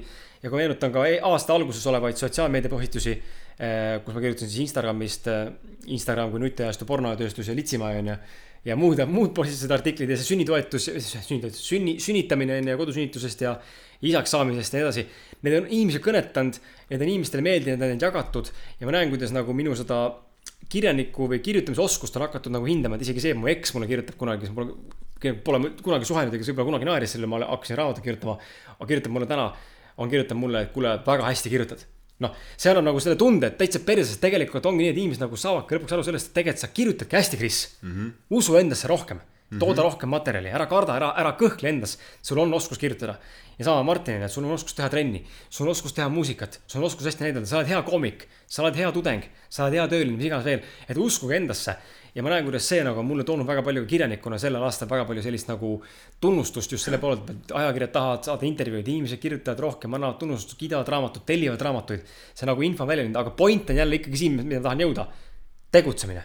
kui sa ise ei pane sellesse panust, siis mitte keegi seda tegelikult ei ole, kus nagu Veiko ütles, kui, kui sa, kui sa ei tee kära, kui sa ei ole värviline, kui sa ei jää silma, kui sa ei figureeri, siis sind ei ole olemas. sa pead fucking jääma silma, kui ma poleks müünud ise ka pressinud iga päev viis kuni kuus korda nädalas sotsiaalmeedia postitustega, miks see raamat on hea, miks, mis sa sellest raamatust saad. ma poleks neid kolmkümmend raamatut mitte kunagi müünud. noh, ja mulle Sven, Puusse Selfie omanik kirjutas ka, temalt sain sellel aastal sotsiaalmeedia turunduskoolituse. et tema kirjutas mulle ka, et äh, palju müünud olen, ütlesin numbri, ütles väga hea, et parem kui null, et ise see raamat ei müü. nagu mm, -hmm. et seistes raamat ei müü. riiulil see asi ei müü ja nii ongi, ma saangi aru sellest, et müük ongi tegelikult puhtalt, puhtalt jälle see järjepidevuse teema. varem hiljem on keegi, kes ostab, täna tuli jälle tellimus, pole tükk aega midagi promonud. noh, et huvitav nagu näha, et tegelikult tuleb endasse uskuda ja kui sina usud, usuvad sinust teised ka. no absoluutselt. minu meelest huvitav näide on just see, et nagu kui vaadata ringi, väga palju on ju tegelikult äh, ütleme selliseid äh, inimesi, kes on, oletame näiteks, nad on kas, kas sotsiaalmeedias väga edukad või nad on mingis vallas väga edukad. aga, aga ütleme, kui inimesega lähemalt tutvuda, siis selgub, et tegelikult inimene, inimesel näiteks on väga suur ego ja temaga on väga keeruline tegelikult nagu suhestuda või rääkida. sellepärast, et ta tunneb ennast nii palju kõrgemal olevat sinust, onju ja, aga vaatamata sellele inimene on väga edukas, miks? sellepärast, et ta usub endasse. kuna ta endasse usub, ta võtab ette vastavaid samme, et olla edukas, ta on selles järjepidev, ta müüb ennast ja ta ongi edukas. vahet pole, et ta iseloom võib-olla on äh, täiesti pekkis, onju mhm ja samas on väga palju inimesi, kes on nagu nii kuldsed inimesed, no nii kuldse hingega, nii südamlikud, teistega arvestavad, soojad inimesed. siuksed vussid lihtsalt. aga üldse ei usu endasse ja ei saavuta ka mitte mingit edu, onju. see on nagu kurb jah, et nagu elus ei saa läbi lüüa, kui sa endasse, iseendasse ei usu. see on ikka, ikka väga valus, et väga paljudel võib see tulla kaasa sellest, et lapsepõlves sinus ei usuta. et aga, aga noh, see on muidugi kurb, aga see on võimalik muuta et me alati ei saa jääda kinni sellesse mustrisse või sellesse, et meid on niimoodi üles kasvatatud. kõike võimalik muuta, aga enne tuleb tööd teha. jah, no minu terve teekond on ju olnud äh, eneseusu sisestamine iseendasse mm. ma näen, ma näen, kuidas see hakkab tegelikult vilja kandma. jah. mis sul seal veel kirjas on? mul on kaks punkti veel. no mul on, äh, no üks asi, mille kindlasti tooks välja, on äh, workshop'id et ma tegin see aasta üks, issand, ma ei olegi kokku lugenud, aga vist üks neli, neli või viis workshop'i, kus ma siis õpetasin äh, inimestele käte peal seisu. Ja minu jaoks on see väga-väga-väga suur läbimurre, sellepärast et äh, jälle tea seotud kõik selle enese, eneseusuga. Ja minu jaoks on alati olnud väga keeruline olla inimeste ees, olla tähelepanu keskpunktis äh,. esineda lihtsalt nii-öelda own the space, own the fucking space around you, on ju. see on, mul on alati väga keeruline olnud ennast asetada sinna positsiooni, sest mul on see tunne, et ma justkui, ma ei sobi sinna positsiooni, et kes see peaks mind kuulama või minult tahtma neid õppida. ja, ja, ja viis seda workshop'i ma jah tegin ja, ja ma ei, ma ei saanud nagu ennast täiesti vabaks ma ei saanud ennast veel sinna, kus ma võiks olla nagu tunda end täiesti vaba. aga, aga, aga, aga see on minu jaoks väga suur samm, et ma need asjad tegin ja, ja, ja usun, et suutsin ikkagist äh, pakkuda väärtust ja, ja inimesed jäid rahule. et äh, see on minu jaoks, minu jaoks nagu suur, suur samm, vaatamata hirmule seda ikkagist teha, isegi kui ma ei teinud seda veel nii hästi, kui ma seda tahaks teha, mhm. onju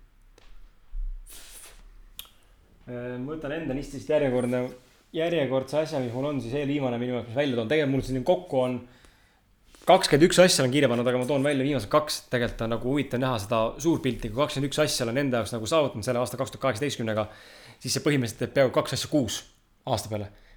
niimoodi mõeldes on nagu see päris rets. sa saavutad nagu kaks asja, kas suurt või väikest asja enda jaoks kuus noh, siis see ongi see harjutus, miks see on oluline, kui sul tuleb palju asju kokku lõpuks, mis, mille üle sa tegelikult tänulikkust tunned ja mille üle sa uhke oled iseenda üle, siis tegelikult näed, tegelikult sa oled väga tubli olnud. ei ole see, et ma olen nüüd teinud nii vähe asju, vaid tegelikult kui sa hakkad kokku lugema, siis tulebki list on väga suur. ja, ja eelviimane asi välja tooksin on see, et ma kolisin maale.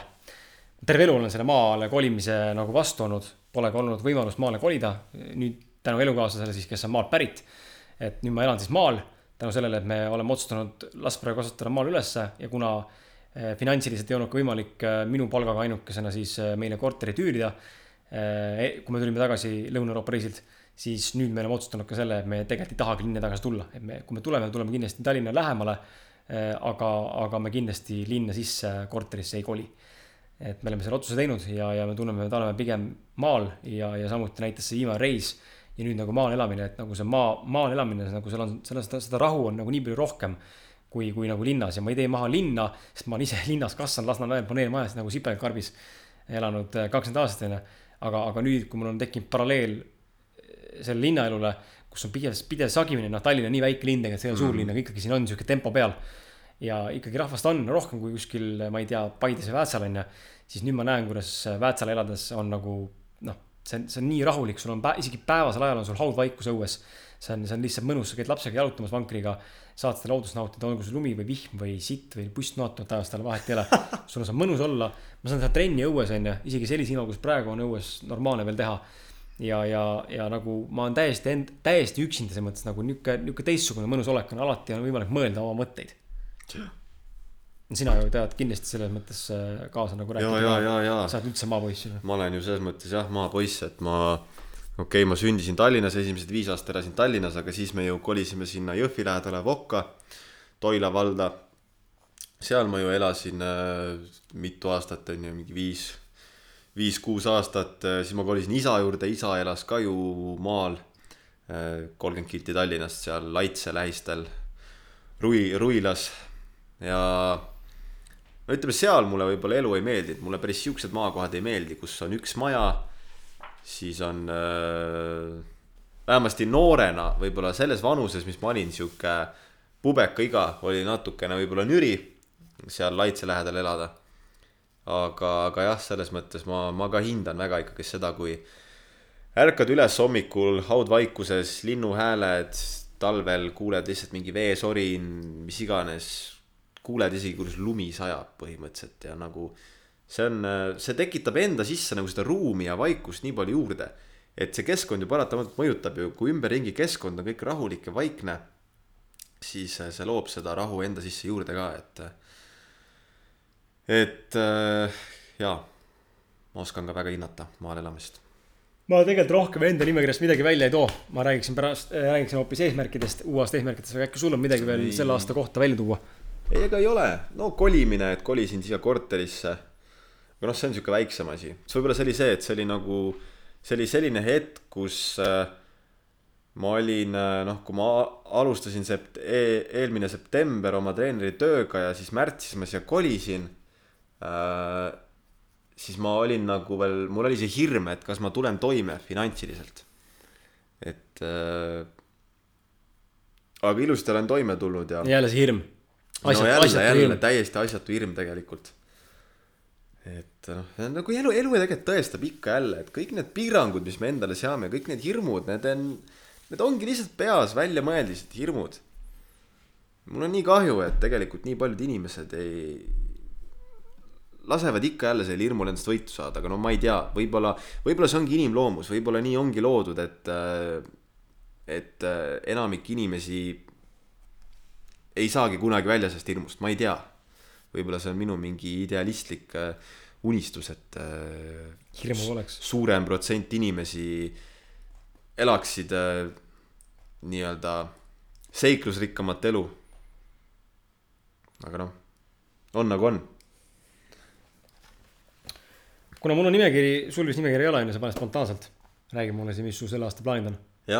siis ma loen kiiresti oma nimekirja ette ja mõnel tähtsamal asjal peatun ja võib-olla selgitan ka kuulajatele, miks on oluline nimekirja endale üldse teha, miks on üldse oluline nimekirja teha, sellepärast et äh, mingisugune visioon ju võiks ju ka olla. et kui me läheme vastu uuele aastale, siis spontaanselt vastu minna ei ole ka nagu midagi valesti, aga minu jaoks, mis ma näinud olen, töötab see, kui ma tean, mida ma tahan tegelikult saavutada. nüüd omakorda, mida ma tean, näiteks Tim Ferris on see, kes väga soovitab seda, et on see, et kui sa mõtled välja mingi asja, mida sa tahad saavutada, siis tegelikult võiks selle nagu nagu deconstruct ida nagu detailsemaks mingi ajaraamistiku peale, siis on nagu lihtsam seda saavutada, on ju, hoomata rohkem, et kui sa tahad õppida Ehm, eesmärk on näiteks, ma ei tea, ala, et õppida ära kauplemine ja sellega teenima hakata, siis mis on need sammud, mis tuleb teha selleks, et võtta läbi see koolitus. Eh, panna piisav raha sinna arvele, on ju, iga päev eh, otsida üks tehing, on ju. lugeda üks raamat Foreksi kohta iga kuu näiteks, on ju, ja lõpuks sa saad selle tulemuse, on ju. ehk nagu neid samme järjest teha, lõpuks tuleb see nagu sinu see eesmärk nagu goal on nagu achieved, on ju et ei pea nagu alati hüppama kohe nagu selle suure unistuse kallale, sest et tihtipeale ongi selle, mis tuleb inimestel on hirm teadmatuse ees.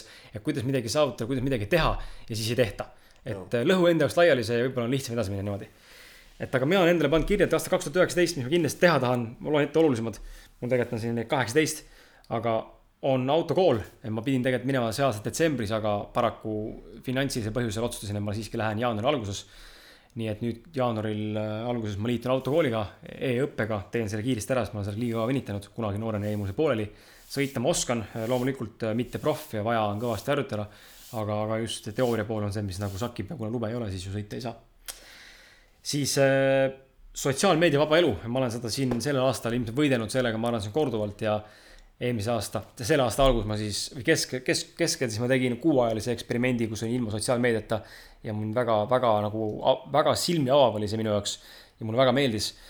tänaseks ma tunnen ikkagi seda, et ma ei ole inimene, kes tahaks sotsiaalmeedias osa võtta, et ma jään ausad mehed Facebooki koos Martin Pukspuuga haldama eh, teatud määral, aga mm, ma kindlasti, kindlasti, kindlasti ise enam ei figureeri, et ma kavatsen isegi äh, ma plaanin, ma ei saa öelda, ma kavatsen, ma plaanin, ma mõtleme selle peale, aga plaanin väga-väga äh, tõsiselt enda Instagrami üldse sulgeda. et ära kustutada enda konto, sest ma ei näe, ma ei näe nagu mõtet, ma ei, ma ei käi üldse enam seal ja panen üldse kinni selle, et ma telefonilt kustutasin äpika ära, ma olen täitsa segane ja Messengeri ka tuttav, keegi satub mind kuulama, kes minuga tuttav on, siis palun teadke, et mind saab kätte esimesest jaanuarist ainult telefoni teel või email. ja kui teie saatekuulajad tahate meile kirjutada, siis mina olen kättesaadav koos Martiniga endiselt Facebookist, äh, ausad mehed, või siis äh, või siis lihtsalt äh, emotsionaalsed mehed, et gmail.com, kuhu meile Miiko kirjutas ka, et vabandust, nimi on muutmata, sellepärast et ma lihtsalt ei ole näinud mõtet muuta emaili äh, nüüd enam ära, aga võib-olla peaks, ma ei teagi. et aga enda Kris Kala Facebooki alt ma enam kindlasti ei vasta mitte midagi uuest aastast. Äh, vot, et ma tunnen, et see on minu jaoks oluline sotsiaalmeedia vaba elu, ma tahan proovida aasta, aasta aega olla ilma, et näha, mis nagu muutub ja kas see üldse midagi mõjutab minu jaoks. siis ma tahan õppida ujuma kuna ma ei oska ujuda siiamaani, siis äh, mul tütar on kasvamas ja tegelikult ilmselgelt tütarlaps tahab vette minna, siis oleks hea, kui isa oskaks ujuda ka ja vajadusel ju päästa.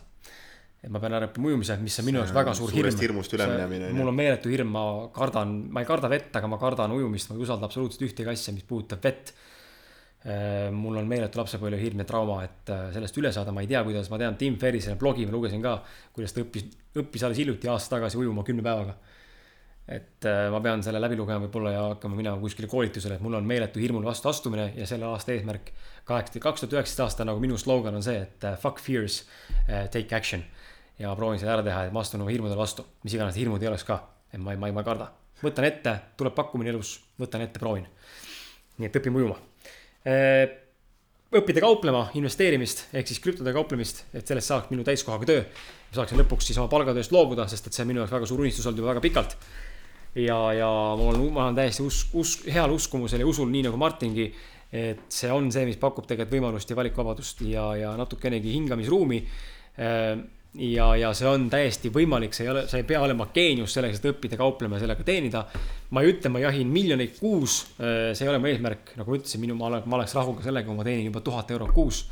Ehm, lihtsalt puhtalt kauplemise pealt, mis ei ole absoluutselt väga raske teha. nii et see minu üks eesmärkidest on samuti see Eh, kirjutada valmis uus raamat on number viis. ma olen sellega venitanud see aasta väga palju, sest et see aasta on väga, väga vale aeg raamatut kirjutada. kuna endal on väga palju suuri protsesse käsil, siis tegelikult ei ole osanud ennast nagu lahti mõtestada. raamatu idee on olemas, raamatu nimi, eh, ma võin juba öelda ka, kannab nime Uutmoodi elamine. ja, ja millest see räägib, seda ma siin selles tänases saates ei, ei nagu ei avalikusta. aga see tuleb selline eneseabi äh, eneseabi, eneseteadlikkuse eneseavastamisse, avastamisse keskenduv raamat läbi peategelaste ja jutustava loo, et see on kindlasti väga huvitav, aga selle kirjutamiseks on mul vaja natuke endaga sisetööd teha. ja, ja, ja, ja siis äh, eesmärk on ka meie podcast'i arendada niimoodi, et me saame mingisuguse tunnustuse. mis iganes tunnustus see ei ole ka, iseendale lisaks võib-olla äkki mingi väike auhind, kui jagatakse aasta lõpus. see on mu tegelikult väike unistus, et meie podcast jõuaks kuskile. nii et eks näis, kuidas sellega läheb, jätkame kindlasti saadet tegemist ja loobuda magusast ning äh, toituda, hakata toituma rohkem äh, puhtamalt, et ma olen viimasel ajal hakanud siin veidi siin toitumisega omadega nagu rappa kiskuma ja ja olen siin järeleandmisi teinud, söön rohkem kooke võib-olla, noh, selles mõttes ise teen kooke, ma poest kooki ei osta, aga ise teen mingeid kooke, mis tegelikult on ebavajalikud kalorid. ja, ja olen siin enda magusisu rahuldanud mingite muude asjadega, ma püüan seda nüüd siis nagu teha, et täielikult välja lõigata. nii nagu Austraalias oli, ma nägin, kuidas trenn trenn ja füüsilise keha nagu areng ja väljanägemine läks nagu palju paremaks, kogu see crap nagu ära jäi, kõik need punnid ja kõik asjad, mis kehal tekkisid. kõik see sitt nagu, mis kehast välja läks, müürkained. ja kui sa neid selle suhkruga sisse ei toitnud juurde enam, siis tegelikult nagu keha nagu ei vajanudki enam ka lõpuks, et see on jälle see piir. kus mingis hetkes ma näen, et nagu noh, alguses on raske, mingi hetkest nagu läheb see lihtsamaks ja nagu on asi, mida sa enam ei vajagi. et äh, ma tahan selle kätte võtta äh,. Fast imine, millega ma olen juba alustanud, kaheteist kuni kuueteist tunnised fast imised päevas.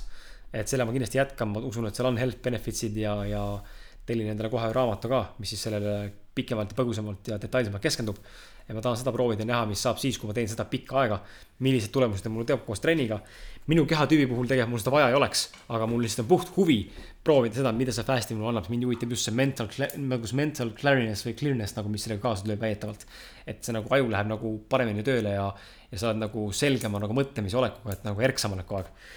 Ehm, kella viieni ärkamine tuleb uuesti käiku, ma olen selle unarusse jätnud eelmistel aastatel on see käigus olnud, see aasta tahaks võtta selle käiku niimoodi, et see on iga päev kella viieni ära, kella viieni äratus võib-olla väikeste eranditena, kui ma tõesti olen väsinud, ennast nagu tapma ei hakka, aga ma näen juba praegu viimased kaks nädalat on niimoodi olnud, et ma ärkan ise automaatselt kuus, pool kuus, kuus kolmkümmend juba tahab uni ära minna ja olen täiesti ärkvel, et tegelikult on aeg hakata proovima seda ja mulle, mulle see väga meeldib, hommikutunnid.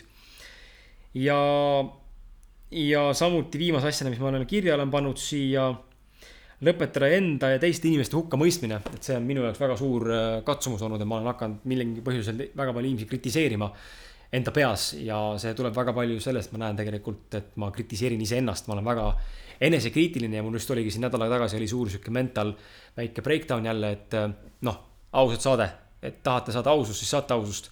Eh, ma vihkan ennast, oli see mõte, mis mul peas oli nädal aega tagasi.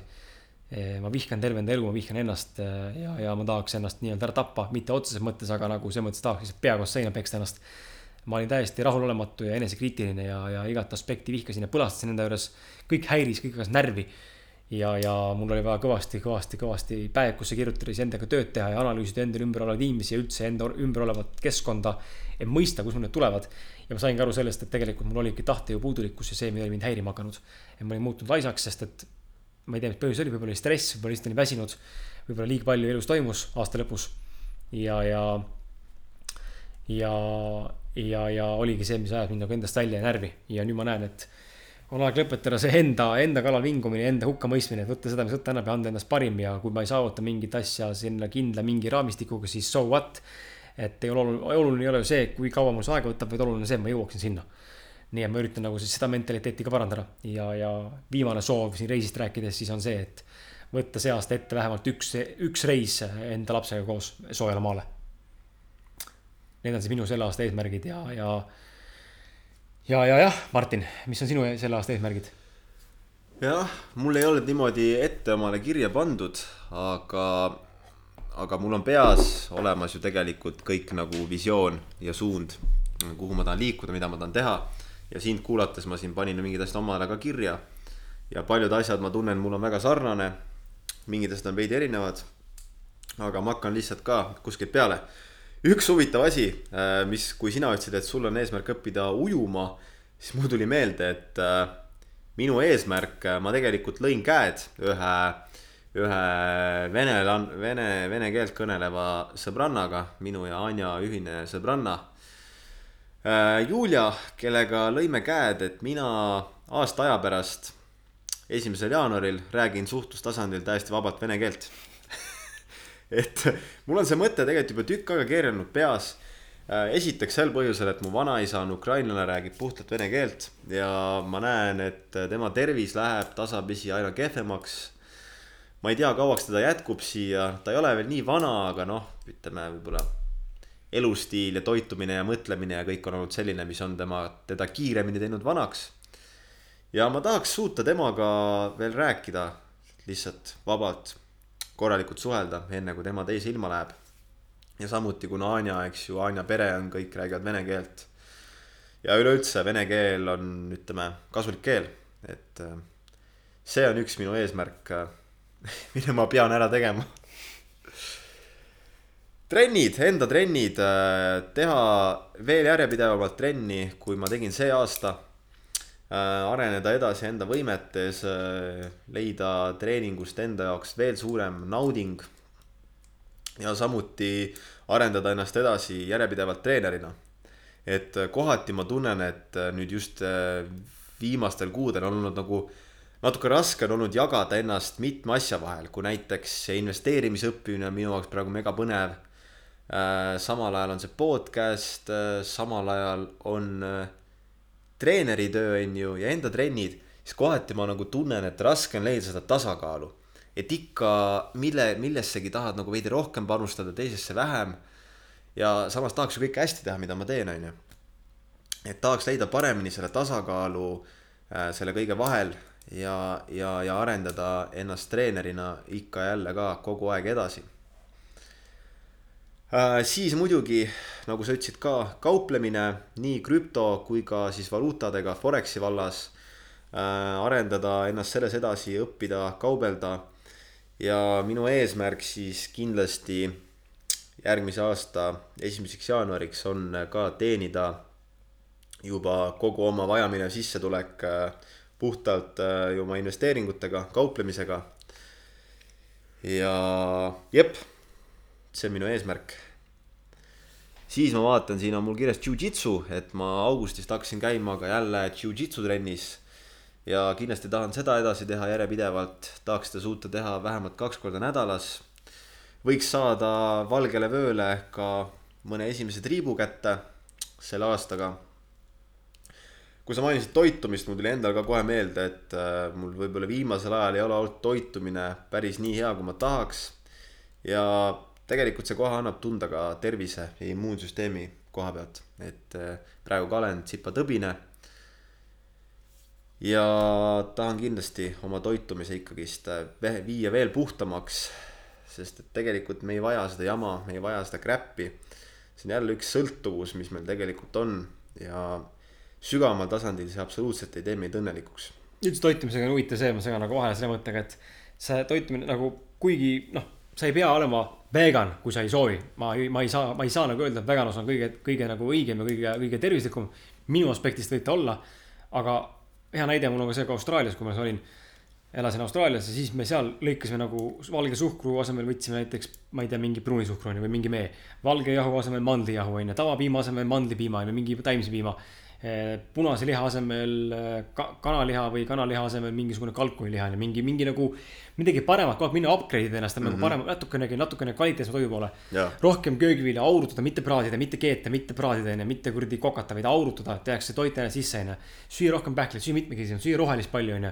ja nägin, kuidas Austraalias isegi liha süües nii-öelda mul nagu läks tervis paremaks, ma särasin eh, kaalu tuli, sa oled neid pilte näinud, mul tegelikult oli vorm päris hea, ma olin nagu peenike poiss, aga mul oli sitkelihas hakkas tulema vaikselt, kuni tuli see käevigastus. aga nagu ma nägin, et nagu oligi see, et nii kui ma läksin nagu puhtamate toiduallikate peale, siis mm -hmm. ma tundsin ennast palju, palju paremini kogu aeg mm. -hmm. energiat oli rohkem, jõudu oli rohkem, tahtsin rohkem teha ja sama praegu ka.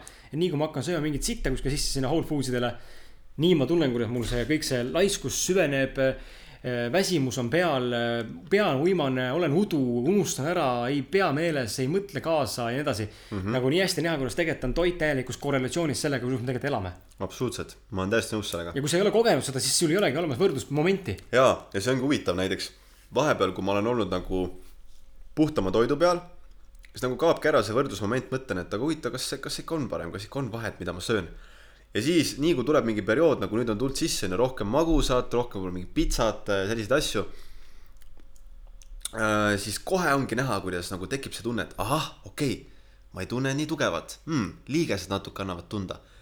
tunnen, immuunsüsteem on nõrgem, on ju, näed, jäin haigeks nagu,. taastun sitemini. taastun sitemini, kõik siuksed asjad. ja siis tuleb see võrdlusmoment kohe sisse, et ah jaa, tõenäoliselt toitumine mõjutab, on ju. aga edasi esinemine, esinemisoskus, kindlasti asi, mida ma tahan arendada edasi. Mm.. näha nagu, tunda endas läbi nagu see hä, sihuke häbitunne, mis mul tekib inimeste ees ja lasta sellel minna. ja suuta tunda seda, et kui ma viin läbi mingit workshop'i või esinen, siis ma olen väärt olema inimeste ees ma olen väärt olema ja rääkima ja ma võin tunda end täiesti vabalt ja enesekindlalt, ma ei pea suruma end alla madalamas kui muru. ma võin selle mineviku programmi lasta lihtsalt minna vetsupotist alla, onju. ja siis jõuangi selle punkti, mis on äh, nagu, kui sina ütlesid, onju, et sa tahad äh, äh, lõpetada teiste inimeste hukkamõistmise, mis tegelikult tuleneb iseenda hukkamõistmisest, enda vihkamisest, enda mittearmastamisest, siis mul täpselt samamoodi, ma tahan õppida ennast veel rohkem armastama ja, ja, ja kui seda suuta aina paremini teha, siis seda vähem ongi enda kritiseerimist, seda vähem on teiste kritiseerimist. see kõik aitab kaasa esinemisoskumise, esinemisoskusele, võimele end müüa, järjepidevusele, sest kui me endasse usume, siis me oleme ka järjepidevad, sest me usume, et kui midagi järjepidevat teeme, siis me sellega saavutame, on ju. ja meditatsioon on kindlasti asi, mida ma soovin teha see aasta järjepidevalt, sest kuna ma joogat enam ju tükk aega ei praktiseeri, siis ei olegi mul mingit äh, sihukest praktikat, mis õpetaks mulle kohalolu ja enese kõrvalt vaatlemist. seega nüüd ma olengi omale pannud iga päeva kavasse, ma alustan kõigest viie minutiga, viis minutit hommiku esimese asjana meditatsiooni. et äh, kindlasti jätkata sellega ja tõenäoliselt siis ka hakata vaikselt suurendama seda minutite arvu, mis ma meditatsioonis olen. Ma panin selle ka endale tegelikult kirja, et alustada hetkes olemist ja punkti vaatamisega kõige lihtsam, ongi paar minutit kas alguses mm. -hmm. sest algus on väga raske, ma ise näen ka seda. väga raske on. sest et see ongi uskumatu, et kui nüüd vahepeal kadusid ära kõik need siuksed vaimsed praktikad, onju. siis Anja, Anja hakkas ka kõrvalt märkama, et sa ei ole üldse kohal enam, onju, et mingi tõmbled ringi ja siis nagu saan ise ka aru, et mida ma teen, nagu mida ma tõmblen. see on täpselt see, mis Indrek räägib. mida sa, mida sa ruttad, kuhu su kiire on? mis sa rapsid? ja see on nagu, see ei ole nagu see, et oleks mingi produktiivne rapsimine, vaid see on siuke sihitu see on siuke nagu busy nagu... being busy. ja, ja, ja. Busy, being busy for the sake of being busy on ju. no nii, aga, aga kuidas neid asju ikkagi saavutada siis? kui nüüd inimene mõtleb välja eesmärgid endale, mida ta tahab saavutada. kuidas neid asju Asi... nüüd niimoodi saavutada, et sa teeksid järjepidevalt, sest me näeme väga palju, kuidas ka ise olen eksinud selle suhtes, eelmine, see aasta nüüd nii väga enam ei eksinud, vähemalt aasta alguses. aga mida ma näen, on see, et enda eelnevate aastate pealt ja teiste inimeste pealt samamoodi. me lähme suure ruttamisega hurraaga sisse uusaasta lubadustega. ja, ja siis viie-kuue päeva pärast me tegelikult juba oleme murdunud. noh, ja kui sa ei suuda isegi viite või kuute päeva vastu pidada, siis kuidas sa saad üldse rääkida, ma ei tea eh, kolmest kuust või aastast või kümnest aastast, kui sa ei saa isegi viite päeva hakkama enda lubaduse täitmisega okei okay,, ma teeks kohe otsa lahti. Esiteks tuleb olla, tuleb teha just nimelt sedasama, et kui sul on kirjas suured eesmärgid, siis tuleb need teha väikesteks. haruta, haruta lahti haruta lahti ja nagu inglise keeles on hea, hea, hea väljend reverse engineer ehk nagu tee tagurpidi asi, hakka suurest pihta, hakka minema väiksemaks, väiksemaks, väiksemaks, väiksemaks, väiksemaks, kuni sa jõuad selle kõige väiksema tegevuseni, mida sa saad teha igapäevaselt, iganädalaselt. kohe nüüd ja praegu. et noh, ongi lihtne näide, toon näite siis enda pealt. kui ma hakkan raamatut kirjutama, mul on valmis vaja kirjutada raamat, mis on sada tuhat sõna keskmiselt. sada tuhat sõna näiteks, ütleme, jaotame ära terve aasta peale. võtan siit kohe kalkulaatori lahti, et oleks teil lihtsam kaasa mõelda ja saate numbritest aru. sada tuhat sõna jagame kiiresti kaheteistkümne kuuga, see on kaheksa tuhat kolmsada sõna keskmiselt kuus. jagame keskmise päeva arvuga on kolmkümmend päeva, see on päevas kakssada seitsekümmend sõna kakssada seitsekümmend sõna ma kirjutan valmis umbes tunni ajaga, vähem isegi. nüüd ongi küsimus. ja mõni päev läheb ju rohkem, mõni ja. päev, kui mul on väga tem-, mõte voolab. ma just lugesin rongis Sharma uut raamatut The Five mm -hmm. AM Club, kus ta rääkis, kuidas temale see raamat kirjutas neli aastat. ja mõni päev oli selline, kus ta vihkas kirjutamist, teine päev oli see, kus tal voolasid tuhanded sõnad lihtsalt niimoodi järjest järjest lihtsalt kirjutas mm. -hmm.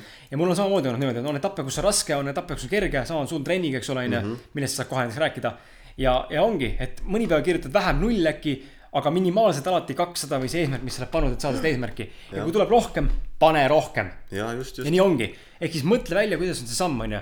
ja kui sa tahad nagu saada nagu näiteks, ma ei tea, raamatu avalikustamist, on ju, et raamat, lõppfaas on raamat on poes. mis on selleks vaja, sul on vaja raamatu kaanefotot, sul on vaja küljendust, sul on vaja filoloogi, sul on vaja raamatu valmis saada. sul on vaja leida kirjastust, sul on vaja leida raamatupoed hind vaja välja mõelda, äh, kaanefoto on ju, ja niimoodi hakkadki mõtlema ja hakkad kuskilt peale, mida sa saad juba täna teha. ja niimoodi see areneb. just, ja need asjad tuleb teha enda jaoks võimalikult realistlikuks ja lihtsaks. ehk siis näiteks, kui sul on eesmärk hakata trenni tegema ja sa ei ole mitte kunagi trenni teinud, ära pane oma eesmärgiks, kallis inimene, seda, et Sada ma teen päevas. viis korda nädalas trenni. see on täiesti ebarealistlik. alusta sellest, et ma jalutan iga päev kümme minutit ja niimoodi hakkad vaikselt lisama, lisama, lisama, lisama, sest see on nagu, see on täpselt see, et kui sa paned omale piisavalt lihtsa eesmärgi, sa suudad selle ära teha. see motiveerib. see sisendab eneseusku, see motiveerib, et oo, ma sain hakkama. okei okay,, paneme natuke juurde ja siis ongi, mõni päev sul on täiega tuhh taga, sa teed rohkem, sa teed lisaks kümnele minutile veel terve trenni ka jõusaalis ära. mõni päev sul ei ole üldse tuhhi, aga siis vähemasti sa teed selle kümne minuti, kümme minutit ära ja saad jälle endale õlale patsutada. et see ongi, et see ma olen aru saanud, et äh, noh, eks see natuke oleneb ka inimesest, on ju, mis sorti inimene sa oled, aga enamasti teha, tuleb asi teha enda jaoks võimalikult lihtsaks, et see oleks saavutatav ja siis, kui sul on rohkem tuhki, sa teed rohkem ja samas, kui sa mõni päev jätad vahele või kui on eriti kehva päev, ei saa tehtud, siis tuleb see teine pool mängu. nüüd ei tohi ennast vihata. nüüd tuleb enda vastu sõbralik ja tuleb lihtsalt jälle ronida tagasi sinna raja peale. Ei tohi alla anda, tuleb jälle minna edasi, olla enda vastu sõbralik, lubada endale eksimusi, sest me kõik oleme inimesed, me ei ole mingid robotid. ja lõppude lõpuks elu ikkagist võiks olla ju ka nauditav mis kasu sellest on, kui me oleme nagu mingid produktiivsuse robotid, kes muudkui saavutavad oma eesmärke. iseennast orjastanud ju. jah, aga tegelikult me unustame täiesti ära nautida hetke, nautida lähedasi inimesi enda ümber, nautida loodust, võtta vahel aeg maha. Et see kõik peab olema siukses tasakaalus ja sellepärast ongi hea panna endale eesmärgid igapäevased, mis on piisavalt kerged, et sa saad need tehtud, aga pikas perspektiivis see on väga suur asi mis veel oskavad inimesed soovitada? ma ei tea, sellega saigi peaaegu kõik juba öeldud. kannatlikkus. kannatlikkus, järjepidevus. tuleb anda aega, tuleb aru saada sellest, et asjad võtavad aega, ma ei saa enda näite koha pealt jälle, ma ei saa kirjutada raamatut valmis äh, ma, ma ei tea, nädalaga, noh, see, see ei käi mm -hmm. niimoodi, no ma võin olla robot, aga see ei käi niimoodi lihtsalt mm. -hmm. asjad võtavad aega, et äh, võib-olla parem näide on võib-olla parem näide oleks see, et äh, mul tuttav, kunagine tuttav, kes siis töötas laboris ravimite ja haiguste ja viiruste väljamõtlejana. tema töö oli välja mõelda reaalseid haiguseid, onju. ja siis ütles nagu hea näite, et kui ajakirjas või uudistes tuleb pealkiri, et teadlased töötasid terve öö ning leidsid äh, ravimi või vaktsiini mingisugusele haigusele, siin küsimus tekib, et mille nad kokku keerasid siis sest et ühe ravimi või vaktsiini väljatöötamine, nad võivad töötada terve öö, teadlased. aga see reaalse protsess võtab aast-, võtab aega kuni pool, pool aastat kuni aasta. see seda ei saa kiirendada, sest see käib niimoodi, et seega ongi, ongi see, et me võime nagu mõelda, et me oleme robotid ja me hakkame täna pihta kõigega, me teeme hästi kiiret tuhinaga kõike hästi palju korraga. aga kui on asju, mis lihtsalt võtavad paratamatult aega ja vajavadki natukene aega, et oma omas loomulikus elemendis nii-öelda nagu marineerida, edasi liikuda me ei saa kiirendada mõnda, mõne asja protsessi me ei saa kiirendada. oma füüsilist keha ma ei saa ju, ma võin ju teha trenni eh, niimoodi, ma teen neli korda päevas trenni, nädalaga järjest neli korda päevas. See ei kiirenda, see teeb pigem, see läheb pigem hävitab arengut. sest keha ei puhka. noh, järelikult asjad võtavad aega, sellest tuleb hakata aru saama. kannatlikkus on see, mis tegelikult viib lõpuks sihile. ja siit jõuame järgmise punktini, mis on. ei tohi ennast võrrelda teistega. see on põhjus, miks ma sotsiaalmeediast loobun. tuleb äh, kogu aeg isegi iseendaga ei ole ennast mõtet võrrelda. ja selles mõttes tulebki lihtsalt anda enda parim ja noh, eesmärk on ikkagist kogu aeg olla parem versioon iseendast. kogu aeg areneda edasi, saada paremaks versiooniks iseendast. sellepärast me oleme kõik täiesti erinevad, samamoodi nagu füüsiliste võimete poolest meile on antud erinev geneetiline pagas. me reageerime treeningstiimulina kõik erinevalt, on ju. sama asi on ju ka vaimsete ja ütleme siis siukse enesearenduspoolega, et keegi võib-olla õpib äh, kauplemise ära nelja kuuga, teenib nelja kuuga seal juba Eesti, ma ei tea, kahekordset keskmist palka, onju. teisel võtab see aega aasta, mõne võtab aega kaks aastat. et ma siin olingi, ma olin hästi palju olin enda peale vihane, kui ma nägin, et äh, paljud seal meie Eesti selles Foreksi grupis juba mingi kolme kuuga põhimõtteliselt juba hakkavadki teenima seal juba reaalseid summasid, onju ja mina mõtlen, et okei okay,, ma olen nüüd neli kuud olnud, ma ei teeni veel mitte midagi. ja siis ma saangi aru, et ma ei saa ennast võrrelda teistega. Ma pean nägema, kas ma olen arenenud selle aja jooksul, kas ma olen saanud paremaks selles selle aja jooksul ja nüüd ma näen, et olen, väga palju olen. ja see ongi oluline, et lihtsalt äh, iseenda paremaks versiooniks kogu aeg saada ja mitte vaadata, mida teevad teised ja mitte ennast hukka mõista protsessi käigus. no just. mul hea näide nagu toon kõrvale siia kohe ongi see käteseis, et on nagu hetki, kus ma näen, et noh, siin viimased korrad ongi, kui ma tegin trenni poolteist nädalat tagasi umbes, siis no nägin, et täitsa mõttetu noh. Tule, ma olen sitakott lihtsalt. ei suuda, ei suuda seista üldse enam. kui ma mäletan väga hästi, kuidas mitu kuud tagasi ma seisin mega hästi juba. ja nüüd täna siin üle pika aja viskasin Martini vaibale siin maha niimoodi, et korra Martin oli vetsus ja teist korda Martin sital. oli sital onju ja teist korda Martin oli siinsamas, nägi pealt ja ma seisin niimoodi, nagu ma pole varem mitte kunagi seisnud nii tasakaalus hoi-, hoi-, hoituna ja, ja jällegi näen seda, et ei ole mõtet üldse minna närvi selle peale, vahepeal ei tule välja. Läheb aega mööda, jälle on parem. Jälle mingi ja, ja kui ma nüüd näeksin aasta otsa järjest, et ma üldse ei lähe paremaks, siis tekib küsimus. aga kui ma ikkagi näen ja mul vahepeal viskab ette mingid siuksed nagu success nagu spike on ju. järelikult see asi töötab, lihtsalt on vaja anda aega. no just, absoluutselt. sest see on, me oleme, me oleme nii fucking erinevad, meie taust on niivõrd erinev. tavaliselt need edulood, kus sa näed, et keegi tuleb täiesti ilma kogemuseta ja rekordilise ajaga saavutab edu. see on tavaliselt see, et seal on kõik asjad on kokku langenud. Inimesel lapsepõlv on olnud selline, et tal on olemas eneseusk, tal on olemas kannatlikkus, tal on olemas järjepidevus. pluss tal on võib-olla mingid eeldused, tal on mingid tugi, mingid mentorid, on ju. ja siis ta lihtsalt tulebki, hakkabki paugutama, on ju, pumm, ja kohe õnnestub. aga neid inimesi on vähe, väga paljudel meist on see, et meil on need uskumused, meil on need negatiivsed nii-öelda programmid, on ju, ma ei saa hakkama, ma ei ole kunagi midagi sellist suutnud, meil on vaja nendest läbi minna, meil on vaja arendada oma oskusi, meil ei ole võib-olla sellist mentorit, meil ei ole võib-olla selliseid eeldusi, on ju. aga mõtle, võib-olla üks inimene saavutab selle asja nelja kuuga, sina saavutad selle asja kahe aastaga. vahet pole noh. vahet pole. kohale jõudsid mõlemad ju. kohale jõudsid mõlemad enda sees sina oled ju õnnelik, sest et sa kogu aeg saad iseendast paremaks versiooniks. jah. ja kõige olulisem, ma arvan, üldse igasuguste eesmärkide juures, kaks tuhat üheksateist aasta puhul, siis teie puhul ka, kui enda eesmärke panete paika. Do not give up. ära loobu, et nagu loobumine ei kiirenda protsessi, mitte kuidagi. noh, liigu kasvõi siis nagu teosammul, jäta vahepeal vahele, aga tule tagasi ja proovi uuesti, ära, ära jäta pooleli, sest et nagu see lause on inglise keeles tegelikult tsitaat, et quitting, quitting it won't speed it up. kiire, ehk siis loobumine ei kiirenda protsessi. ja nii on. kui sa loobud, siis on katki, kui sa jätkad kasvõi aeglaselt teosammul, sa lõpuks jõuad sinna. seega ära loobu. Absoluutselt. mul ei ole midagi rohkem öelda eriti. mul ei ole ka, tõmbame saate kokku. noh, me oleme siin vatranud juba poolteist tundi.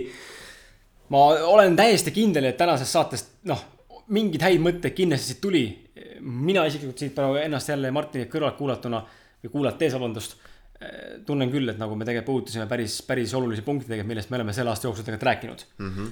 ja, ja aitäh, et kuulasite, aitäh, et olete meiega, järgmine aasta tuleb väga-väga huvitav, me toome paar uut saateformaati sisse. Nendest ei hakka veel rääkima, sest et meil on visioon, ei ole veel kontseptsioonina päris sada protsenti paigas, aga on mõned head mõtted. uue aasta alguses on päris palju juba kolm, neli peaaegu uut uut äh, külalist tulemas. me püüame ka duosaateid teha, kui meil on mingeid häid teemasid, aga me ei hakka vägistama, kui teemasid ei ole, siis tuleb lihtsalt rohkem külalissaateid ja inspiratsioonivalanguid võib-olla.